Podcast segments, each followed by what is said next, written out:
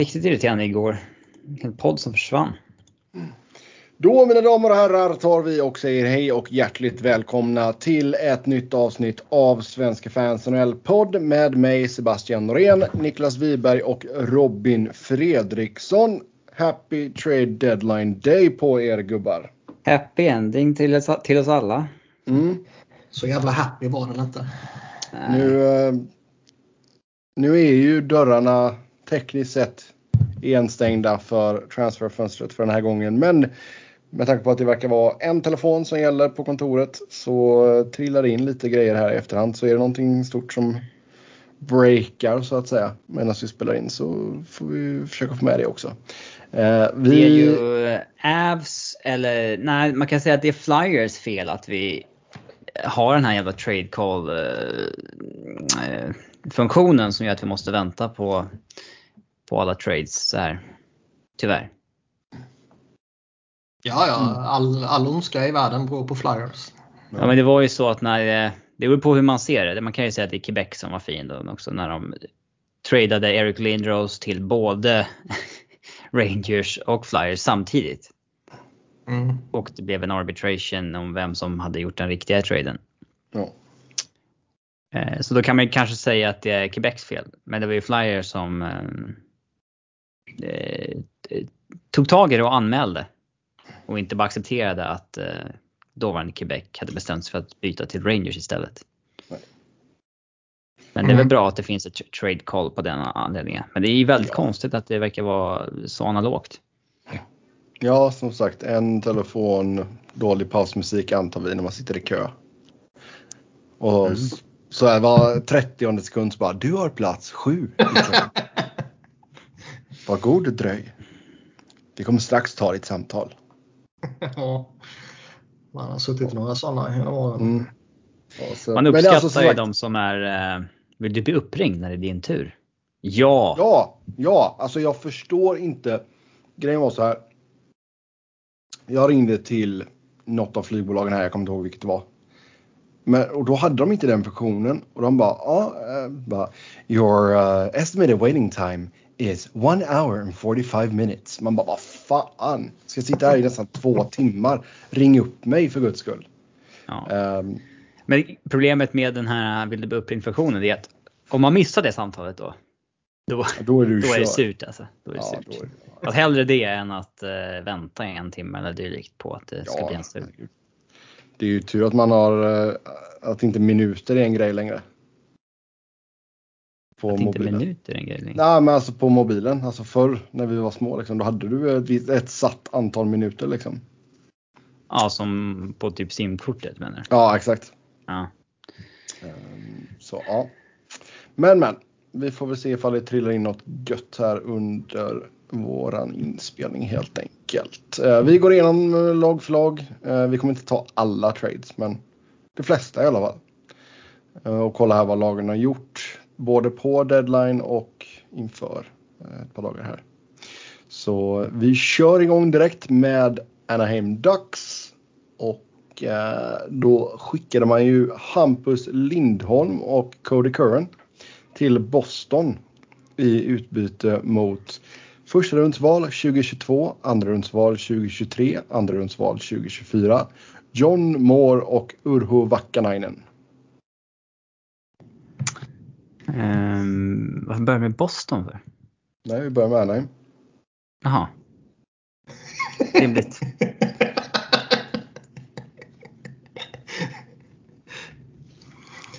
Eh, det kändes ju lite som... Ska vi inte börja med Boston istället? Bara för skoj. Nej!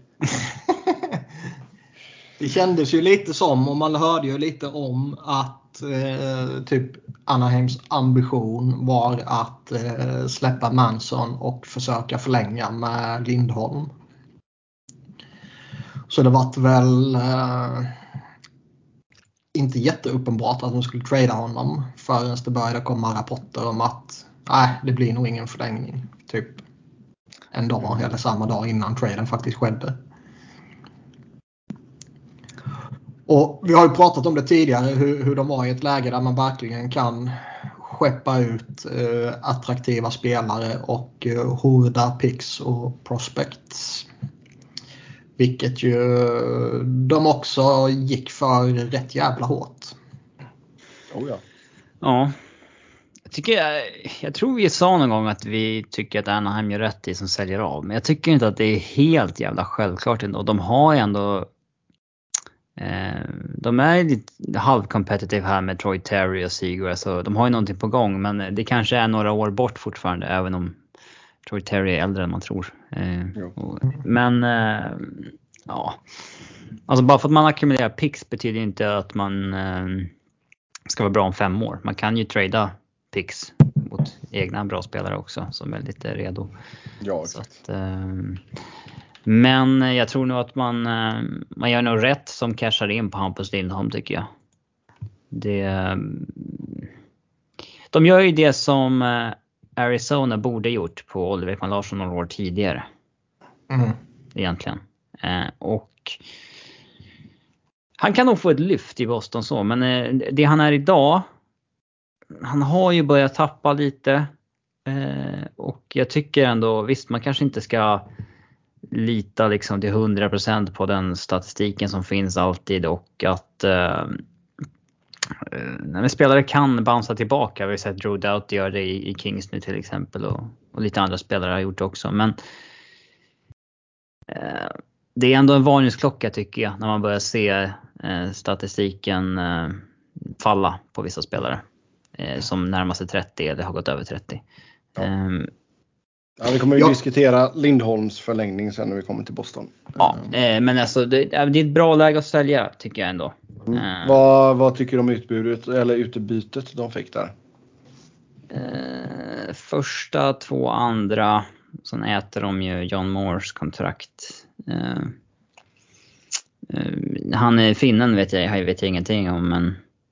Nej, men det är väl ett bra. Det är väl ett bra utbud, eller?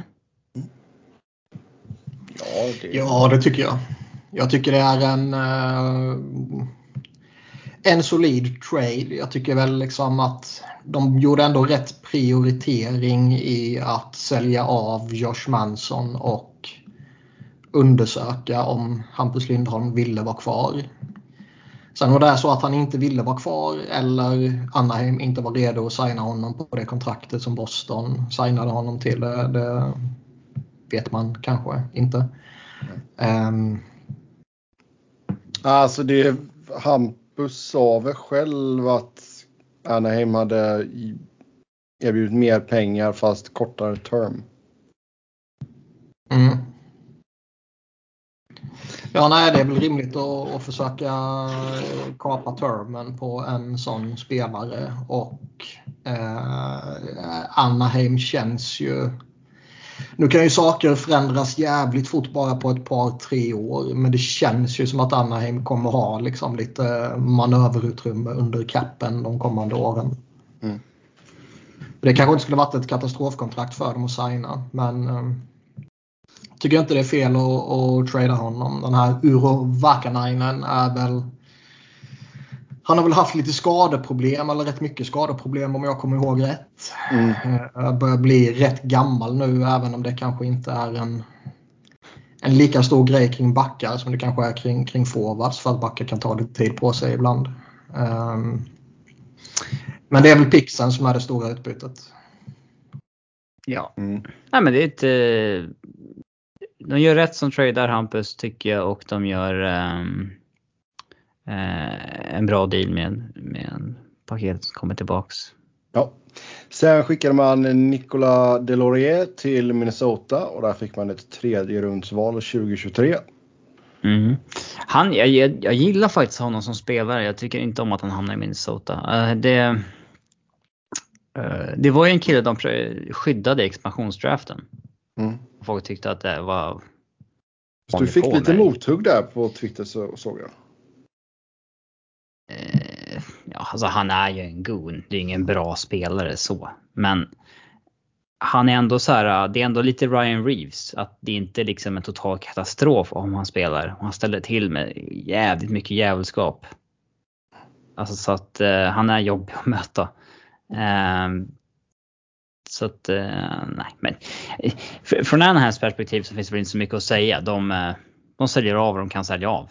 Mm. Och, eh, Han har ju definitivt mer värde för dem som en trade chip än som en faktisk spelare. Både nu och framåt. Sen är ju en third rounder vad det är men de skickar honom mot en third rounder och ersätter honom genom att plocka upp uh, Mayhew på waivers. Det är väl en bra swap för dem. Fo- Folk verkar ju ändå vara rätt så hyggligt överens om att draften 23 är otroligt djup. Mm. Så man undrar ju om en third rounder 2023 är lite mer värdefull än kanske en vanlig random third rounder så att säga. Mm. Bland lagen typ. Mm. Ja. Kanske. Ja. Sen så tradade man iväg Rickard Rakell till Pittsburgh. Då fick man eh, andra rundsval 2022. Zach Aston Reese, Dominic Simon och Kalle Klang. Mm. Eh, Jag tycker det känns alltså lite snålt kanske va? Ja, en second rounder 2022 är ju liksom, det är vad det är. Det är ju en utfyllnad på något sätt eh, kan jag tycka. Borde det inte vara en sån här second rounder där det är om Pence går till final så blir det en first rounder typ? Ja, Det hade väl varit lite rimligare. mm. Jag håller Kanske. med. Eh, Kalle Klang vet jag inte riktigt hur eh, hans status som prospect är så att säga. Vad, eh, vad ligger han på nu? Han, man har ju ändå koll på honom. Han är född 02 så han är bara 20 så det är ju en bit bort. Eller ja, han är 19 fortfarande. Och han har gjort eh, uppemot 20 SHL-matcher och 30 Hockeyallsvenska matcher med bra facit. Så att eh, det är väl en... Eh, alltså det är väl en fin målvaktsprospect att, att addera till sin eh, pool helt enkelt. Mm. Fylla på i systemet helt enkelt. Mm. Om ett år sitter vi här när Sebbe sitter. Vad har de i systemet? Ja, de har ju Kalle Klang igen. De har ju Kalle Klang ja. Kalle Exakt. Klang. Coolt namn. Nej ja, men Kalle det är Klang. väl alltså som, som sagt alltså det, på, det känns ju som att på målvaktsposten har man det ju bra ställt med John Gibson. Intressant dock för övrigt när du ändå slänger upp hans namn att Mm. det kom lite rapporter idag att eh, han kanske är på marknaden. Alltså jag kan ju förstå ifall lag vill gå efter honom. Det är ju liksom en bra första målvakt. Är det det? Är det inte det? Han har ju Fyra av år nu när han har varit dålig. Slutet, ja. Alltså det är fyra år i rad han är dålig nu. Mm. Man kan ju säga ja men det är för att Anaheim har varit dåliga. Men jag köper inte det alltid. Man kan vara bra även fast man spelar i ett dåligt lag. Man kan liksom rädda fler puckar än man ska, är expected att släppa in och så vidare. Och i år så... eh, Alltså i, i år har ju Anaheim varit bra men han dålig. Ja, nej. Ja, det är, jag vet inte riktigt vad jag ska tycka om honom. Men, men, eh, Jag vet inte fan om jag hade tagit honom om han erbjöds gratis med ett kontrakt till 2027 på Nej. 6,4. det är rätt maffigt. Eh, faktiskt. Man bör ju nog kunna hitta bättre alternativ för jag tror ändå han kommer kosta rätt mycket. Liksom. Jag tror ha- hans, hans anseende är nog fortfarande jättehögt. Mm, det är det. Och eh, lite beroende på vad Anaheim ska göra här nu så alltså, de kanske fortfarande håller honom jättehögt och, och, och sådär. Men Konstigt det där med målvakter. ja, vill man trada honom så är väl det kanske en indikation på att man går in i en tydligare rebuild på något sätt. Vissa målvakters status förblir liksom svinhög trots dåliga resultat. Alltså typ eh, Fleury, Quick, Price har ju varit sådana som bara hålls jättehögt trots att de så här, haft hur svajiga år som helst. Men sen så har vi liksom Peter Mrazek som är helt klart värd 4 miljoner till sommaren. Det är ingen som hänger upp ögonen över det. Sen blir han nog plockad på waivers ett halvår senare. Jo exakt. Och, eh, ja, Nej men det, alltså, det kan absolut vara så att Gibson eh, inte är den han var för ett par år sedan men att anseendet fortfarande är högt. Absolut, det köper jag. Jag hade försökt trada honom vid Anaheim i alla fall. Det är Mm. absolut. Det är väl ändå rimligt att eh, kan, man, man kanske inte aktivt vill göra det så att säga men det är ju ändå rimligt att, att kanske kolla av läget så att säga.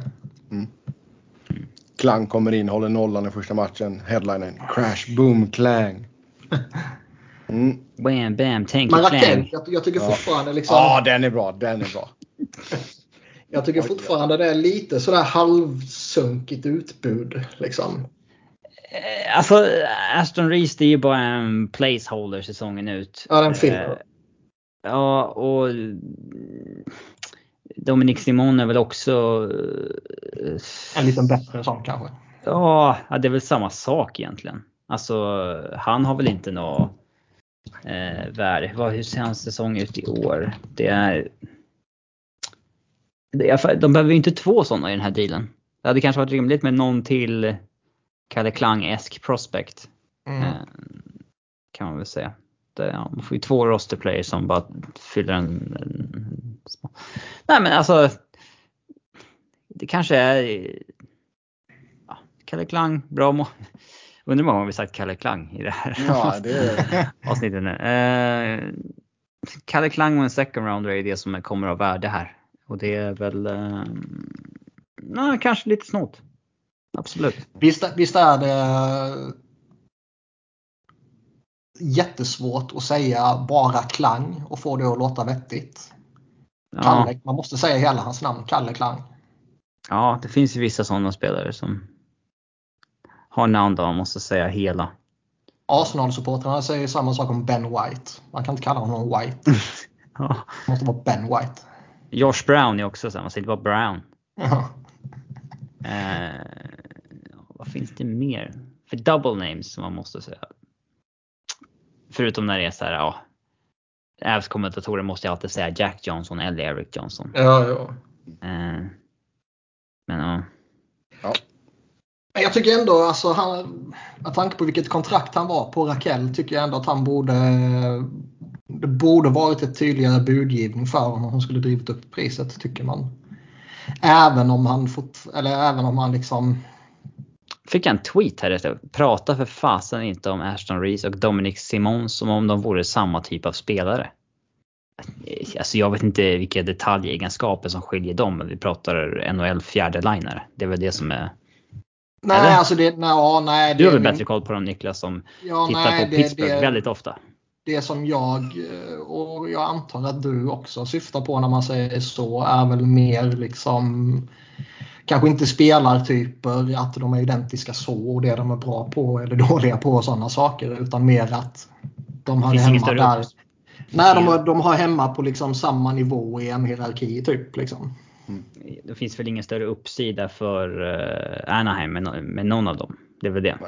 Nej, lite så. Mm. Japp. Sen eh, har man tradat till sig Evgenij Dadonov från Vegas. Vi vet fortfarande inte vad utbytet är här. Dadonov. Mm. Eh, Ändå lite intressant på något sätt. Det finns någonting i honom tycker jag. Som... ehm, Det är ett av alla de här samtalen som sitter i kö. ja. ja. jag tycker det, liksom, det finns någonting i honom som är spännande. Han fick ju inte ut, eh, tror jag, vad Vegas ville. Eh, Det var en och- konstig, alltså de var otroligt cap crunchade. Och Och de var i liksom skriande center. behov av en center. Ja. Ja, men så tog man, men så cap crunchade att man ger bort Marc-André Fleury. Ja. Eh, och så tar man de pengarna och ger till Dadonov som eh, Nej, den, den var konstig alltså. Ja. Och det är inget, så, såklart har det inte varit något bra fit trots att eh, de har haft sådana skadeproblem på Pacioretty och Stone och så vidare. Så har han ändå inte eh, haft någon eh, ja, bra tid i, i Vegas. Men det är bra, det är konstigt att säga att det är så här en kille som har outnyttjad potential och uppsida när han är 30 plus. Men Ja. Nej, så är det ju. Men jag menar, det finns ju ändå någonting i honom som Florida-åren. ja, Och eh, sett men honom har man inga problem med, har man inga problem med capen så är det bara att chansa. Nu vet vi Ja. inte detaljerna. De kan, ju- det kan ju till och med vara så att man fått betalt för att ta honom. Mm. Ja, alltså grejen är han ligger på 5 miljoner i cap hit. Eh, ett år kvar efter denna säsongen och då ligger hans lön faktiskt på 6,5 miljoner. Mm. Ja, men det... Ja. Anaheim kan vara snåla. Visst, ja, men det, det finns också kan. en, eh, det kan de också finnas en faktor där de behöver eh, samla på sig lönekostnader eller kapp ja, de, så att säga. Att de är knappt någonting över nästa år. De har 40 mm. miljoner cap space. Och, ja. Men det är ju en cap dump från uh, Vegas håll. Känns det ju som att det är. Det är det till 100 procent. Ja, det känns ju inte som att det kommer komma något stort kontrakt tillbaka där. Vi får väl se ifall vi får några officiella uppgifter här under programmet. Det borde ju kommit när vi är framme på Vegas. Mm. Vi får hoppas på det i alla fall. Your waiting time is 2 hours and 45 minutes. vi uh, lovar att vi kommer inte gå ur den här podcasten förrän vi har utbyte. Tvek. Uh, och sen tidigare då så skickade man ju Josh Manson till Colorado. Den pratade vi om i förra avsnittet. Där fick man Drew Hellison och ett andra rundsval 2023 tillbaka. Så som sagt, man har samlat på sig en jäkla massa här. Det har man. Det har man. Och det är väl eh, klokt. Mm. Alltså det är så här, när det är en ny GM också, Pat mm. Verbeek, ganska hypad. De mm. vill ju sätta sin prägel lite på. Han är ju inte lika committed till Raquel och Lindholm som Bob Murray var. Nej, det är klart. Det är inte hans grabbar liksom. Och, eh, han och gör väl rätt. vice versa också. Ja. Eh, han gör väl rätt i att försöka bygga, bygga något nytt här i Anaheim tycker jag. Jag tycker ändå han har gjort det bra. Med, med viss reservation för det vi sa om utbytet för Raquel så tycker jag ändå det här är liksom vettiga grejer han har fått, i, fått till. Liksom. Sen kan man ju alltid resonera lite som vi gjorde om är det rätt eller fel att verkligen köra ut allting. Mm. Men, ja, för man planerar, det är ju inte en Arizona Fire Sale liksom, utan det är ju Ibland, ibland så är det okej att ha lite balans med att ändå behålla och sälja av och mm. eh, försöka vara bra. Det är fortfarande lag som står i kö. Mm. Um, och Michael, Michael Russo tweetar att Minnesota är ett av lagen, tror han. Tror han. Tror han. Men grejen är att det, det är trades som är uh, ute så att säga som bara inte är uh, körts igenom där liksom. Så det är inte så att vi bara sitter och väntar på massa hemlighetsfulla trades. Liksom. Men det hade varit kul. Ja. Uh, japp. Vi går väl vidare till Arizona då. Och där skickade man Scott Wedgwood till Dallas i utbyte mot ett conditional fjärderundsval 2023. Och uh, ersätter genom att plocka upp uh, Harry Setteri heter han va? Ja. På waivers. Ja, just det. Om man plockade upp Wedge. Man plockade upp det är dubbelfacken till uh, Toronto. Ja. Uh, man plockade upp Wedgwood tidigare under säsongen via waivers också. Så det är väl helt okej okay asset, asset management där. Um, sen uh, tog man in Jack McBain, uh, prospect som tillhörde Minnesota. Man skickade ett andra rundsval 2022 för honom. Sen, uh, det är inte så mycket att säga om vet, vet inte hur mycket, Jag vet inte hur bra han är, men har man så mycket pick som de har så kan man ju, man har ju råd att skicka ett mot ja, mot en, en prospect som man anser vara liksom bättre än vad man kommer drafta i andra rundan om ett år eller när det var. Liksom. Det. Ja. Yes, han var väl med och lirade OS om jag inte har helt fel. Han är ju ja, han är osignad och eh, var väl inte redo att signa för Minnesota. Men eh, snacket är väl att Arizona typ liksom här har du en NHL-plats, kom och signa med oss. Mm. Mm. Annars kommer de säkert försöka flippa vidare honom. Ja. En annan Fox-grej. Liksom. Mm. Um, Ja. Hiva Johan Larsson till Washington för en third rounder, det är väl också rimligt tycker jag. Sälja ja. av vad du kan och han är ganska bra fjärdeliner mm. Larsson. Så att, eh. oh ja. Nej, McBain är ju en Boston College kille. Så vi får väl se där. De brukar vara ganska vettiga på att få fram prospects ändå får man ju säga. Eh, sen skrev man ett nytt treårskontrakt med Karel Veimelka, målvakten. 2,70 82 miljoner i cap hit, drygt. Han har ju stundtals varit eh, relativt hypad för att vara målvakt i Arizona som nykomling. Mm. Uh, nu har väl saker väl... balanserats ut så att säga men för att vara Arizona är det väl kanske en rimlig grej att göra. Ja. Sen um, Brian Little och Nathan Smith fick Arizona och man skickar ett fjärderumsval 2022 till Winnipeg. Man gör ju som man brukar göra här numera, att man tar på sig döda pengar så att säga. Brian Littles kontrakt. Ja. Eh, Brian Little som inte kommer spela mer. Han är skadad och har mycket lön. Um, Ja, han gjorde sju matcher 1920, sen dess har han inte spelat. och då passar man på att få prospecten Nathan Smith som också är en sån här college-kille va, som inte vill signa med Jets. Mm. Här för mig. Eller? Jag vet faktiskt inte. Nej, det vet inte jag Då heller. slår vi fast att det är så. Um, ska vi se. University of Minnesota. Nate Smith lirar också OS. Ja. Minnesota State University ska jag säga. Eh, Ja, okej. Det var bra. Ja, ja du, det är viktiga grejer. Eh, Mm. nej men visst, det är väl bra. Brian Little, vill man ha hans eh, kontrakt där så är det ju 5,3 drygt i capita, två år till. Sådana, så, sådana där kontrakt är värdefulla för Arizona. Jag har sagt det i alla år. Att Mm. eh, de, de kommer fortsätta plocka på sig sådana. Och det är... Det är konstigt game of chicken där, där liksom alla vet att Arizona behöver de kontrakten. Men Arizona vill ändå ha betalt för att ta de kontrakten. mm. Det är en liten... Så de kan ju fortfarande kräva betalt för att ta dem för att lagen som vill bli av med dem är mer desperata.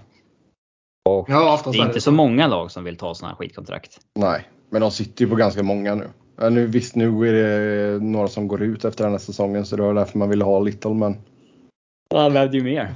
Så att säga. ja. Så ja. Eh, sen skickar man Riley Nash till Tampa Bay för future considerations. Konstigt att man inte fick någonting där ändå. Mm. Men ja, han är väl inget bra längre. Men nej, ändå. Ja.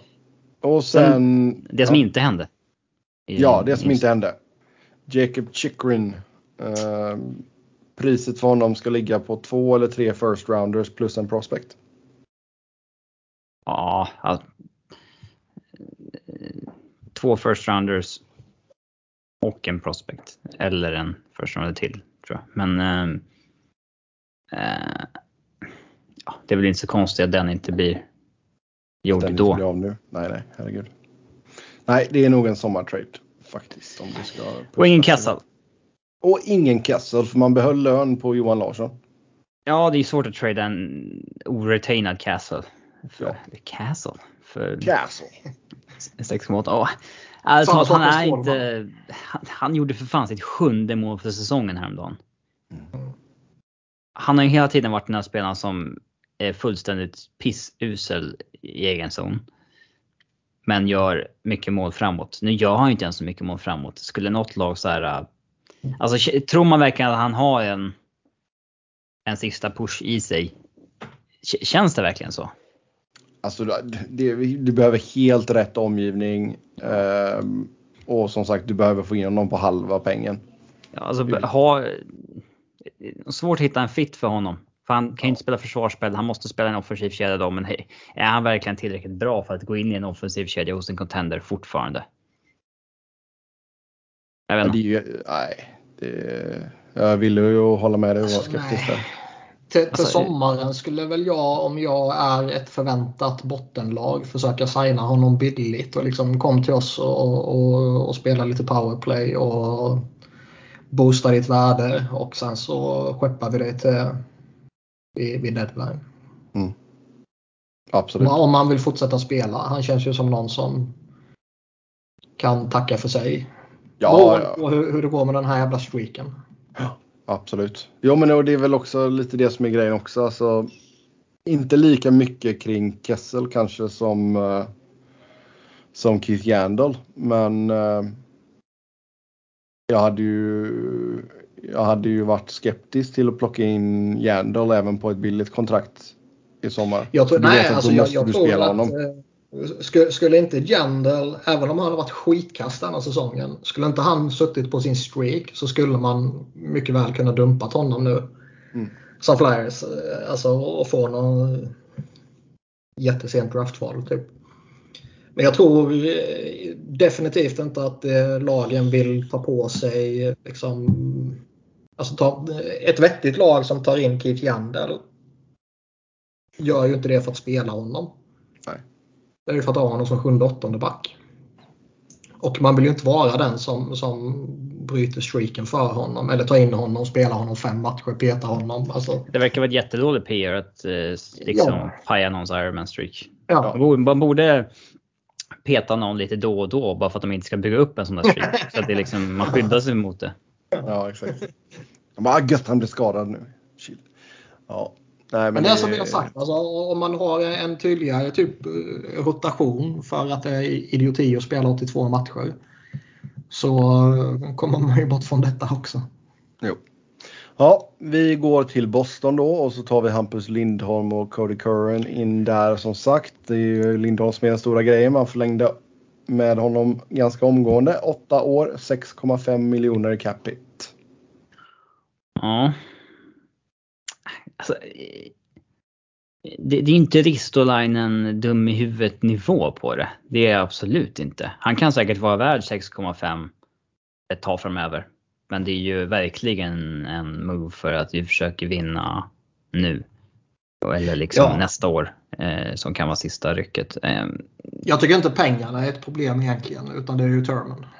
ja. Men liksom han kanske, han kanske går in och är helt jävla perfekt ihop med Charlie McAvoy nu i fem år. Det, det, det kan absolut bli så. Eh, Så att jag, jag vet inte. Det är väl inte... Ja, alltså det, det känns ju ändå så som att de hade ett ganska uppenbart hål på vänstersidan. Eh, Ja, de lägger det väl kanske på rätt sak ändå. Mm. Eh, Som du säger, Lindholm McAvoy känns på bara spontant jäkligt mm, är spännande. Det har ju all potential att vara ett av ligans bättre. Det tycker jag. Mm. Både, Sen- både nu och över liksom, tid. Skit i vad som händer om fem år om man är Boston idag. Ja. Ja, men så är det. Det handlar ju om att, att gå för det i år och, och eventuellt kommande ett, två åren beroende på vad typ Bergeron får för sig att göra. Ja. Mm. Och Curran var en form av utfyllnad där bara. Har ju inte fått eh, Två har ju rögle fått- legender. ja, han har ju inte fått spela i NHL sedan han åkte över inför förra säsongen. Nej, det är lite eh, synd kanske att han inte har fått men eh, Mm. Han, han, har skulle stanna, inte, han skulle stanna till SHL helt enkelt. Han har inte slagit sig in heller kan man inte säga. Han var ju otroligt bra i SHL men han har inte, han har inte slaktat AHL på den nivån att han har Nej, tvingat sig in i, i ligan. Nej, det, han kanske skulle ha stannat i, i SHL faktiskt. Det är lätt att säga nu. Men han kan alltid åka tillbaka. eh, Han, han sitter på utgående kontrakt. Är man i det läget som han var i så och, och man får en möjlighet på att ta sig in i, Ja, det är klart att du NHL som 30 plus-åring då tar man den och så chansar man. Ja, och sen det är inte så jävla fy skam att spela i AHL med liksom en... eh, Han har fortfarande en lön på en miljon dollar. Mm. Alltså han har ett envägskontrakt. Och han har fått bo i San Diego nu. Eh, Ja, och spela i Gulls. Mm. Frågan är ifall blir- Providence är lika roligt. Ja, vi får väl se. Men eh, Ja. alltså snubben spelade fan i Norge och Danmark häromåret. Eh, Det, det kan vara rätt soft att... Han är nog ganska nöjd ändå där han är. Ja, och det är väl, det är väl en sån kille som skulle kunna gå till typ, alltså han skulle säkert kunna gå tillbaka till Sverige utan problem. Ja, i och med Vill han han får ju han bästa ett, spelare. eh, ja. Vill, vill han får han ju bra kontrakt i, i liksom SHL eller Schweiz eller Tyskland eller vad fan det skulle vara. Stjärnbacken återvänder till SHL. Ja, det, är det hade ju inte varit eh, ett översäljare att kalla det för det. Mm. Ja, sen skrev man eh, nytt kontrakt med Jake DeBrusk. Två år, fyra miljoner. Han har ändå inte tagit tillbaka sin eh, trade request. I alla fall inte vad de sa för eh, ja, när förlängningen kom. Nej. Så det var ju lite spekulationer nästan direkt att ja, de har signat honom här nu men eh, han kanske ändå kommer tradas idag. Så det kan ju ha varit något på gång där, vem vet? För att, Jag tror att de har sagt att det inte, att de, att det inte har blivit någon trade. Mm. Ja, det har de gjort. Men, men in, alltså, direkt när, när det här kommunicerades ut, för det här blev ju klart rätt tidigt ikväll. Så, så kom det snack att eh, ja, bara för att han har signat så betyder det inte att han inte kan tradas idag utan det verkar vara ett alternativ. Typ. Sen så såg jag också att det han verkar inte vara en av dem som man sitter och väntar på i telefonkön. Mm. Ja. Och han har ju fått ett litet lyft. Mm. Nämnde jag att Anaheim retainade på Rakell? Det var inte jätteviktigt att säga. Nej. Nej, men jag tänkte med tanke på att vi pratade om att utbudet kanske inte var, eller utbytet inte kanske var det bästa. Men det retainas ju på alla som går nu. Det är Ja, inte så jävla... Okej. Retainas på Derek Brassard. Liksom. Ja. Det är viktigt. Lyssnarfråga här. Ser ni någon risk att Lindholms kontrakt kan bli för Boston vad Vlasic kontrakt är för Sharks? Ja. Men visst, visst var Vlasic var väl äldre? Ja, ja. Han var väl 31 och skrev 8 år eller något sånt där va? Ja, han var några år äldre har jag för mig. Och Han var över 30 i alla fall. Men han var svinbra fortfarande då. Han, Krack- mycket, han, var, han var mycket bättre då än vad Lindholm är idag. Ja. Men kraschade han inte tämligen omgående? Nej. Nej, inte omgående tror jag. Kommer inte Jag ihåg. Exakt. Nej. Men det är, alltså, det är klart eh, alla, eller i princip alla åttaårskontrakt kommer ju med risk. Och eh, väldigt många förutom den här eh, absoluta eliten kommer ju alltid med en risk när de kommer upp kring 30-årsstrecket. Mm. Så det, det, det är klart om tre år kanske det här är ett riktigt skitkontrakt. Om fem år kanske det är ett fyndkontrakt. Liksom. Ja. Japp, vi går till Buffalo. Och där skickade man Robert Hägg till Florida i utbyte mot ett sjätterumsval 2022. Hade väl inget mer att sälja. Hade vi inte så mycket att sälja av. Nej, det var väl Colin Miller det var lite snack om. Eh, eventuellt någon till. Butcher. Men eh, ja. inte mycket. Det, ja, det, det som vi har pratat om tidigare det är väl Victor Olofsson om man skulle gjort något där. Men han är ju RFA så det är ju ingen panik där heller. Nej. Nej, och det kanske är en kille som man eh, i grunden vill ha kvar också. Eh, vidare med rask takt till Calgary. Och där plockade man ju in Kalle Järnkrok och eh, skickade second round 2022, third round 2023 och sjunde val 2024. Ja, den snackade vi om pratade sist. Ja, jag tänkte säga. Vi pratade om den sist. Men det är, det är en bra addering för Calgary helt enkelt. Eh, som Inget mer gå, idag. gå för det. Nej. De är väl ganska... De hade väl typ inte utrymme att göra något mer va? Tror jag. Eh, vad hade de? Typ är- 600 000. Ja, exakt. De är capped out. Mm. Men eh, Och, man skulle ju kunna ha eh, gjort eh, pengar ut, pengar in om man ville. Ja, jag det tror de är rätt göra. nöjda med det de har på plats faktiskt. Och de har ju inte jättemycket. Det är inte så, ja, de har inga extra draftval heller som de kan undanvara. Så visst. De tog Mm. in Foley också så att säga. Ja, de gjorde väl sin stora grej där för några veckor sedan. Mm. Det gills ju också så att säga. Carolina. Eh, Jesperi Kotkaniemi. Kontraktsförlängningen är officiell. Det är 8 år, 4,82 miljoner capita. Alltså den där lilla jäveln. Alltså han har haft sån jävla tur i livet. oj. Han liksom bara råkar. En bra rookie-säsong, en sämre, lite av en sophomore slump när han blev nedskickad i AHL. Sen har han en ganska medioker tredje säsong. Men så liksom råkar han bara vara Carolinas prime target i att eh, offersheet hämnas mot Montreal. Mm. Får då det här enorma kontraktet som är värt liksom 6 mille när han är typ en 2 miljoner spelare idag. Och sen och det, det kontraktet har ju ett sjukt högt qualifying offer. Så att han är ju garanterad en monsterlön framöver. Och då för att liksom ta sig ur det där qualifying offeret så måste ju Carolina ge ett långt kontrakt på en lön som är lägre än den, Ja. eh, det QO så att säga. Så att, han ju bara ramlat in i värsta megalönen utan att egentligen förtjänat det. Ramlat in i 38,5 miljon dollar. Ja, och de 6 miljonerna från eh, offersheetet. Ja. Glöm inte av den feta signing, sign-on-bonusen där också på 20 dollar. Och det är några miljoner på hans uh, rookie-kontrakt också. Mm. Ja, men de förtjänar han ju. Det är bara Jo, jo, jo, men jag menar liksom pl- plussar man på allting så eh, och sen så kan det ju rimligtvis komma ett, ett nytt kontrakt 2030 också när det här går ut. Så eh, han kommer ha rätt bra career earnings. Mm. Dock så, alltså jag tycker inte att... Man har ju lite målat in sig i ett hörn med honom när man gav honom det här offersheetet men... Eh, alltså jag hade inte velat ha honom signad på 8 år på 4,8. Det känns som att det inte... Det kan kanske slå väl ut men det är en jävla risk tycker jag. Mm. Ja. Sen eh, tradar man till sig Max Domi.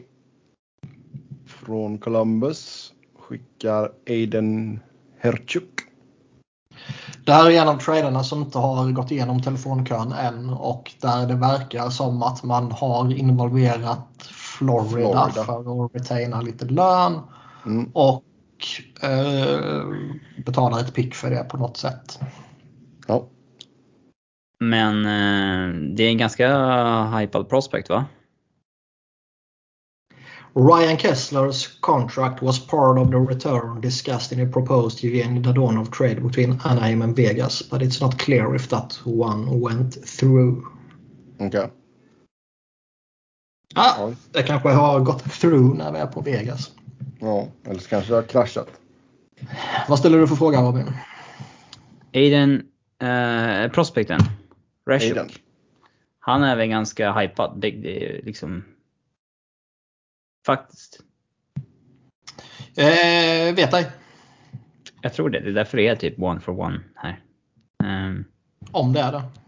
ja, det sägs det. Mm. En annan eh, Boston College-kille. Ja, varför du tycker det är intressant? Vilka jävla skolor de går på. Ja, Säg det om de svenska spelarna också. Jag gick på. Hovsagaskolan. Eh, ja exakt. Exakt. Modos hockeygym. Det är sådär, eh, fan. Vad heter han? Jag är fan blanka på hans jävla namn också. Experten Ja, som alltid säger. Jo men experten som alltid säger vart folk... Uh, Kim Maguire. Ja, tack. Tack, tack, tack. tack. Experten, han är ju en del av eh, Ottawas brain trust numera. Ja, jo. Eh, Mm. Vi eh, lämnar Carolina. Eller vad Var tycker, ju- ni, vad tycker ni om Max Domi kan, vi, kan jag väl fråga. Han är så jävla konstig spelare. Han är ju jättebra varannan säsong och jättedålig varannan. Men eh, i år verkar han ha ett bra år. Och han är väl en... Eh, jag vet inte, det finns ju jättehög uppsida. Men det finns ju också risk att han knappt lyfter finger för Carolina. Det är nog en lite intressant chansning. Mm. Man ger ju inte upp eh, massor. Så att, eh, why not? Mm. Överlag eh, gör väl Carolina en... De verkar ha varit i, haft fingrarna i många syltburkar ändå. Varit in... Varit på mycket men ja, det blev väl det här.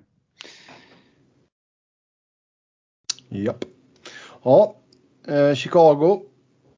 Där eh, skickar man Brendan Hagel till Tampa. Och eh, i utbytet där, ja vi ska väl säga att man skickar Hagel, fjärderumsval 2022, fjärderumsval 2024 till Tampa.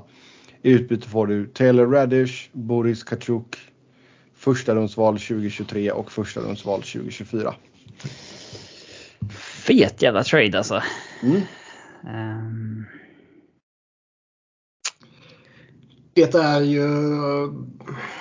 Man får ju ändå två spelare som kanske har begränsat värde men som ändå kommer vara liksom hyggliga seat fillers för Chicago kommande åren här när de rebuildar. Och Ja. två vad som förmodligen är väldigt sena men ändå first rounders är väl eh, väldigt bra betalt för honom. Ja. Ja, alltså Ja. Det, är ju, det är ju två spelare som sitter på, de har kontrakt i två år till, billig peng. Och som liksom är så, Ja, men det, det, de får framförallt två first, eh, first rounders för en kille de signade som UFA nyligen. Att man får de här två är väl främst för att Tampa behöver skaka loss dem. Ja, och sen, eh, ja, det kan vi väl ta från Tampas perspektiv sen, men de killarna har ju lite uppsida ändå. Så att, eh, Jo, jo, men det är ändå pixeln som är det intressanta här tror jag. Även om det som sagt är sena. Men det kan man paketera att det är... det är ju väldigt bra av. Chicago att eh, visst, Brandon Hagel är ju guld värd för att han, har ett, han är signad två år till på 1,5. Men han skjuter liksom över 20% i år. Har gått över 20 mål av den anledningen och då casha in på honom som de gör. Så det är ju... ja, ja visst. Jo, alltså han har ju ett värde för Tampa, absolut. Med det kontraktet, det har han ju. Ja, det är Men därför de gör. Men, Ja, eh, men jag tycker också att, nej men alltså som du säger, jag tycker inte så att det är helt rätt av Chicago att casha in på det. ja. Ehm, för det är ju, det är ju ingenting som säger att han kommer fortsätta skjuta över 20% Nej, verkligen inte. Sen eh, skickade man även Mark Andre Fleury till Minnesota och där fick man ett conditional andra rundsval. Som blir first rounder om Wild går till konferensfinal var det va? Och Fleury registreras för fyra segrar i de två första rundorna. Ja. Stämmer. Men eh, ja, om vi avvaktar Wild-delen av det här så är det väl eh, rätt av Chicago såklart. Eh, dumpa iväg honom och det är väl det är ju inte direkt självklart att han går in som Minnesotas starter. Men det är väl inte helt osannolikt att de kanske kommer snurra lite på målvakterna. Nej, nej, nej.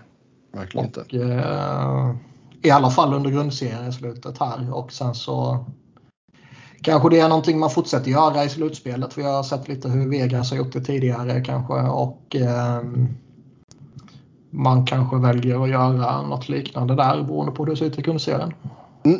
Flurry sitter på utgående. Chicago retainade hälften på honom där. Eh, Colorado. Craig Leopold skickade sin, eh, vad heter det, eh, sitt privatplan för att hämta honom. Okej, Det är ju- det är ju schysst. Fan vad en av organisationerna verkar ha respekt för Flurry alltså. Mm. Det är verkligen enormt vad han är omtyckt. Um, Men ja, de, De hade väl ett behov av att få honom på plats idag så att han kan backa upp Talbot ikväll i och för sig. Ja, Men eh, Men eh, alltså de, de, de hade ju bestämt sig för att vi ska ha en first rounder och höll ju vid det. Visst nu blev det en second rounder som blir en first rounder om Flurry vinner x antal matcher i slutspelet. Eh, Det är ändå ett bra, bra utbyte för en 37-årig målvakt som inte är så bra ja, mm. ja. Colorado då. Arturi e. Lehtonen kommer in från Montreal. Man skickar Justin Barron och ett andrarumsval 2024. Sen eh, plockar man även in Andrew Cogliano från San Jose och skickar ett femterumsval 2024. Och sen innan då så plockade man in Manson och Nico Sturm som vi pratade om i förra avsnittet. Men eh, Lehtonen och Cogliano in idag. Ja. eh, Grattis. Ja, Lekkonen som jag har hypat upp här i många år. Ja. Eh, eh, Mm, just det. Nej men, eh, alltså, det- när, man, när det blev tydligt att det kommer inte bli någon Claude Giroux. Då kan jag svårt att tro på det här att det var aldrig någon snack med några andra förutom Florida. alltså, samma insider sa ju att det stod mellan Colorado och Florida hur länge som helst. Så att jag fattar inte. Det, det, den grejen nej det tror jag inte skit på. Ja. Däremot kanske det bara var liksom slutdiskussioner med Florida så att säga. Om det var så att Euro sa att det är de. Liksom. Men ja. eh, Joe Sakic sa ju själv att han har varit i kontakt med Chuck Fletcher i typ två månader. Ja, och, ja. Men visst, när det blev tydligt att det kommer inte bli någonting med, med Florida, eller med Florida, med, med Euro. Så fanns det inte riktigt någon mera big fish på marknaden. Nej, JT Miller verkade ju stanna. Pavelski signade nytt. Ja, och uh, Hertel signade nytt. Hertel med, ja. Mm. ja. Uh, Ingen Forsberg? Nej, exakt. De hade ju inte skickat honom inom divisionen när de ska till slutspel. Liksom. Det hade ju varit... Uh, ja. Hur som helst. Eh, då var jag lite mer inne på det här uh, Tampa-vägen att trada till sig två uh, liksom Middlesex-spelare som de gjorde med Blake Coleman och Bartley Goodrow. Uh, och det är väl lite det de gör här. Cogliano är ju ingen Middlesex-spelare direkt. Men uh, ja, två, två spelare istället för en. Eh, Cogliano det är väl en bra defensiv kille att ha i en fjärde kedja och peka Han är ju ja, han är inte bra längre men eh, så här, priserna var ju sjukt höga den här deadlinen. Mm. Eh, men en trade som verkligen var bra värde tycker jag att Dallas får Namestnikov för fjärde rundare. Den hade man ju mm. lätt tagit över den, den här Cogliano. Men ah, alltså det är en femte rundare om två år. Eh, för en, en NHL-veteran du vet, så med tusen matcher som eh, de vill vinna för och han har inte vunnit och bla bla. Allt den här skiten liksom. Mm. Eh, jag ser väl det här som att det är en NHL-skater som de kan slänga in de matcherna de inte vill ha en uh, Goon McDermott som spelar istället. Typ. Uh, Lekkonen är ju lite mer intressant. Då, mm, det finländska rivjärnet. Uh, ja. Det som jag... Det jag, jag var också inne på det här att man kanske ska trada för någon som har ett par år på kontrakt. För då kan man ju liksom börja ersätta andra kedjan som man kommer tappa redan nu. Och så behandlar man liksom Burakovsky eller Kadri som en rental istället. Men eh, det är väl lite det man gör här. Men det beror på hur högt man håller Lekkonen. Men det, det, som jag tror är anledningen till att Avs liksom valde Lekkonen före Andrew Kopp, Rakell. Det är ju för att han har ju RFA-status efter det här. Han är ju inte UFA. Nej, nej, nej. Det blir ingen rental. Han kanske spelar i AFC i 5, 6, 7 år. Mm. Eh, och han har ju han är ju lite av en analytics darling. Han har ju väldigt bra defensiva siffror framförallt. Inte jättebra offensivt men jag tror ändå att han kan vara den här 40-45 poängspelaren man kan ha på en andra line. Evs har ju också varit sjukt bra i många år nu på att hitta eh, spelare som är ett perfekt fit för dem som tar ett, ett steg hos Evs i den miljön för att de passar in så bra. Eh, och där tror jag väl att Lekkonen kan, det kan bli samma sak. Det som förvånar och det som svider lite det är väl att de ger upp Justin Barron för han nämndes ju som en kille som de inte ville trada ihop med Alex Newhook och Bowen Byron. Mm. Um, så det är väl lite, det är väl lite tufft. Men uh, framförallt att man ger bort, för när, ni minns ju när vi pratade Giroud-traden första gången. Där jag sa att är man Avs så försöker man trada Drew Hellison. Är man Flyers så ber man om Justin Barron. Nu ger man liksom upp bägge de två. Eh, och det, det är ju lite, det, det svider ju lite att liksom tömma prospectpoolen på det här sättet. Men Alltså allt det här med att drafta, developa och liksom sälja av i deadline tidigare år och sånt där. Det är ju för att ta sig till det här läget man är nu. Ja, exakt. Det, det är ju... Och tittar man på vad de ger upp här. Visst, de ger upp två second rounders, en femte rundare. Drew Hellison, eh, Tyson Jost. Det enda man ger upp från NHL-rosten är ju Tyson Jost. Och adderar Lekkonen, Cogliano, Josh Manson, Nico Sturm. Så det är svårt att hävda att man inte blir bättre just nu. Um, så att nej, jag, jag, är väl uh, jag är väl ganska nöjd ändå. Uh, mm. Får man väl säga. Det kan jag Alltså jag, jag hade hellre jag hade, ju- jag hade ju hellre betalat eh, om, om man ska ge upp Barron och en second rounder så hade jag ju- jag tar ju hellre spelare som är RFA som Lekkonen än Andrew Kopp eller eh, Rakell. Liksom. Ja, Arthur kan nog bli bra under många år för er. Det bör ju inte vara några Jag har någon aldrig, jag har aldrig riktigt eh, begripit mig på hypen som har varit kring honom. Jag begriper ju också givetvis att det finns underliggande siffror som är bra och sådär liksom. Och någonstans är det väl en eh, Montreal-faktor man får ta hänsyn till också när det börjar pratas om honom. Det, det är ju så med vissa organisationer. Jag tycker det är i, i dyraste laget man, man betalar för honom. Men eh, Han kommer ju från en grym säsong. Hade man han kommer från en bra säsong, som, absolut. hade man tradat för honom i somras när han liksom hade 13 poäng på 47 matcher så ja. Då hade det inte blivit samma pris men och ja, jag, jag tror ändå att han har potential att vara den här second linen som gör 40 poäng. Liksom. Det är han ju on pace för i år så det, det, Mm. det kommer han väl göra. Men visst, det är ju inte Burakovsky som man tradade för som eh, liksom hade producerat i första line-takt men bara spelade fjärde line-minuter och det hade varit så i typ fem år. Och man i princip visste att här kommer det produceras utav helvete bara han får mer tid. Där är det ju inte med Lekkonen men eh, det- är ändå trevligare att det är en spelare man kommer behålla än en eh, rental som typ Andrew Kopp. Mm. För att eh, det kommer vi till sen men Rangers gav ju upp mer för honom än vad Avs gav upp för Lekkonen. Ja, Tror du att, att man nu har tappat Barron och Hellerson här och innan dess Connor Timmins. Connor. Timmins. Mm.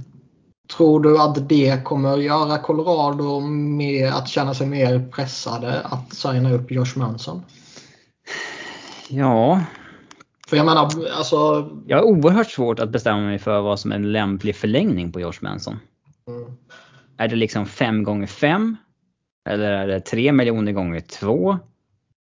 Alltså jag har ingen aning. Den är svår tycker Nej, jag. mycket beror väl på vad som händer under eh, de kommande månaderna givetvis. Ja. Men jag menar,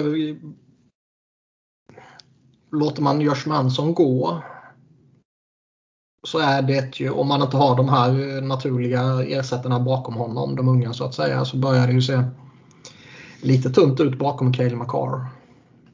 Ja, Man ja undrar ju om de, kommer, eh, om de kommer göra vad de kan för att skeppa ut Eric Johnson och signa upp Josh Manson istället. Den är ju klurig för att eh, man kan ju bara, alltså John, Eric Johnson har ju 6 miljoner på kontrakt nästa år. Visst, de blir du gärna av med, men köper du ut honom så blir det 2 miljoner nästa år och sen 2 miljoner efter det. Eh, visst, det skapar ju, det blir ju lättare att signa om Josh Manson nästa år. Men då blir det helt plötsligt ett problem sen att förlänga med Nathan McKinnon när hans kontrakt går ut. För tidigare har jag ju sagt att det här att McKinnons kontrakt går ut, det är liksom inte en så stor grej som folk vill göra av det. För att Josh, Erik Johnsons kontrakt går ut exakt samtidigt. Så att hans 6 miljoner hamnar ju bara på McKinnon. Men Mm. köper man ut Johnson, då blir det 2 miljoner död capita från Johnson när eh, McKinnon ska ha nytt. Plus Josh Mansons kontrakt. Då är det helt plötsligt ett problem igen. Att eh, lyckas Nej, man får ju betala liksom Arizona för att ta honom. Sen skulle jag tycka att det var lite trevligt med eh, Eric Johnson har ju ändå no movement klausul. De står ju lite i skuld till honom eftersom han wavade den för att eh, i expansionen för att Avs inte skulle behöva ge upp eh, ja, eh, en av sina toppbackar.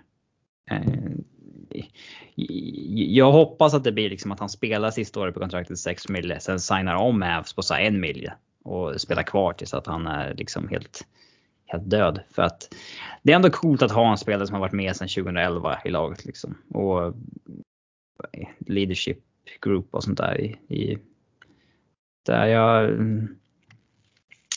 men Avs är ju i en position nu där man man skiter i vad som händer om några månader. Man liksom, det löser man då. Man skjuter problemen framför sig och eh, tittar på det då. Vissa blev sura när Säkert sa att äh, vi har inga förlängningar att eh, annonsera närmsta tiden. För folk vill se förlängningen på Kymper och vill se förlängning med eh, Burakovsky, Kadri och så vidare. Men eh, det tar man i sommar. Mm. Ja, alltså eh, signa upp Kymper på, på en förlängning här och sen kraschar han fullkomligt i slutspelet. Då ångrar man sig nog. Mm. Så är det. Eller så vinner han kuppen åt dem och så blir han svindyr och så kan man inte lösa honom. Men eh, jag menar det. Jag kan ändå tycka att de är i ett läge där de inte behöver signa upp någon av sina spelare nu. Några av dem, Kadri, kan de väl rimligtvis inte signa upp heller. Nej. Men är det, är det en big swing? Är det all in av Vävs då? Är det tillräckligt? Alltså jag tycker ju det. Det är klart att det skulle vara ännu mer all in om man skulle gått efter någon av de här riktigt stora forwardsalternativen som vi har uh, slängt Fanns det bara ett egentligen? Ja.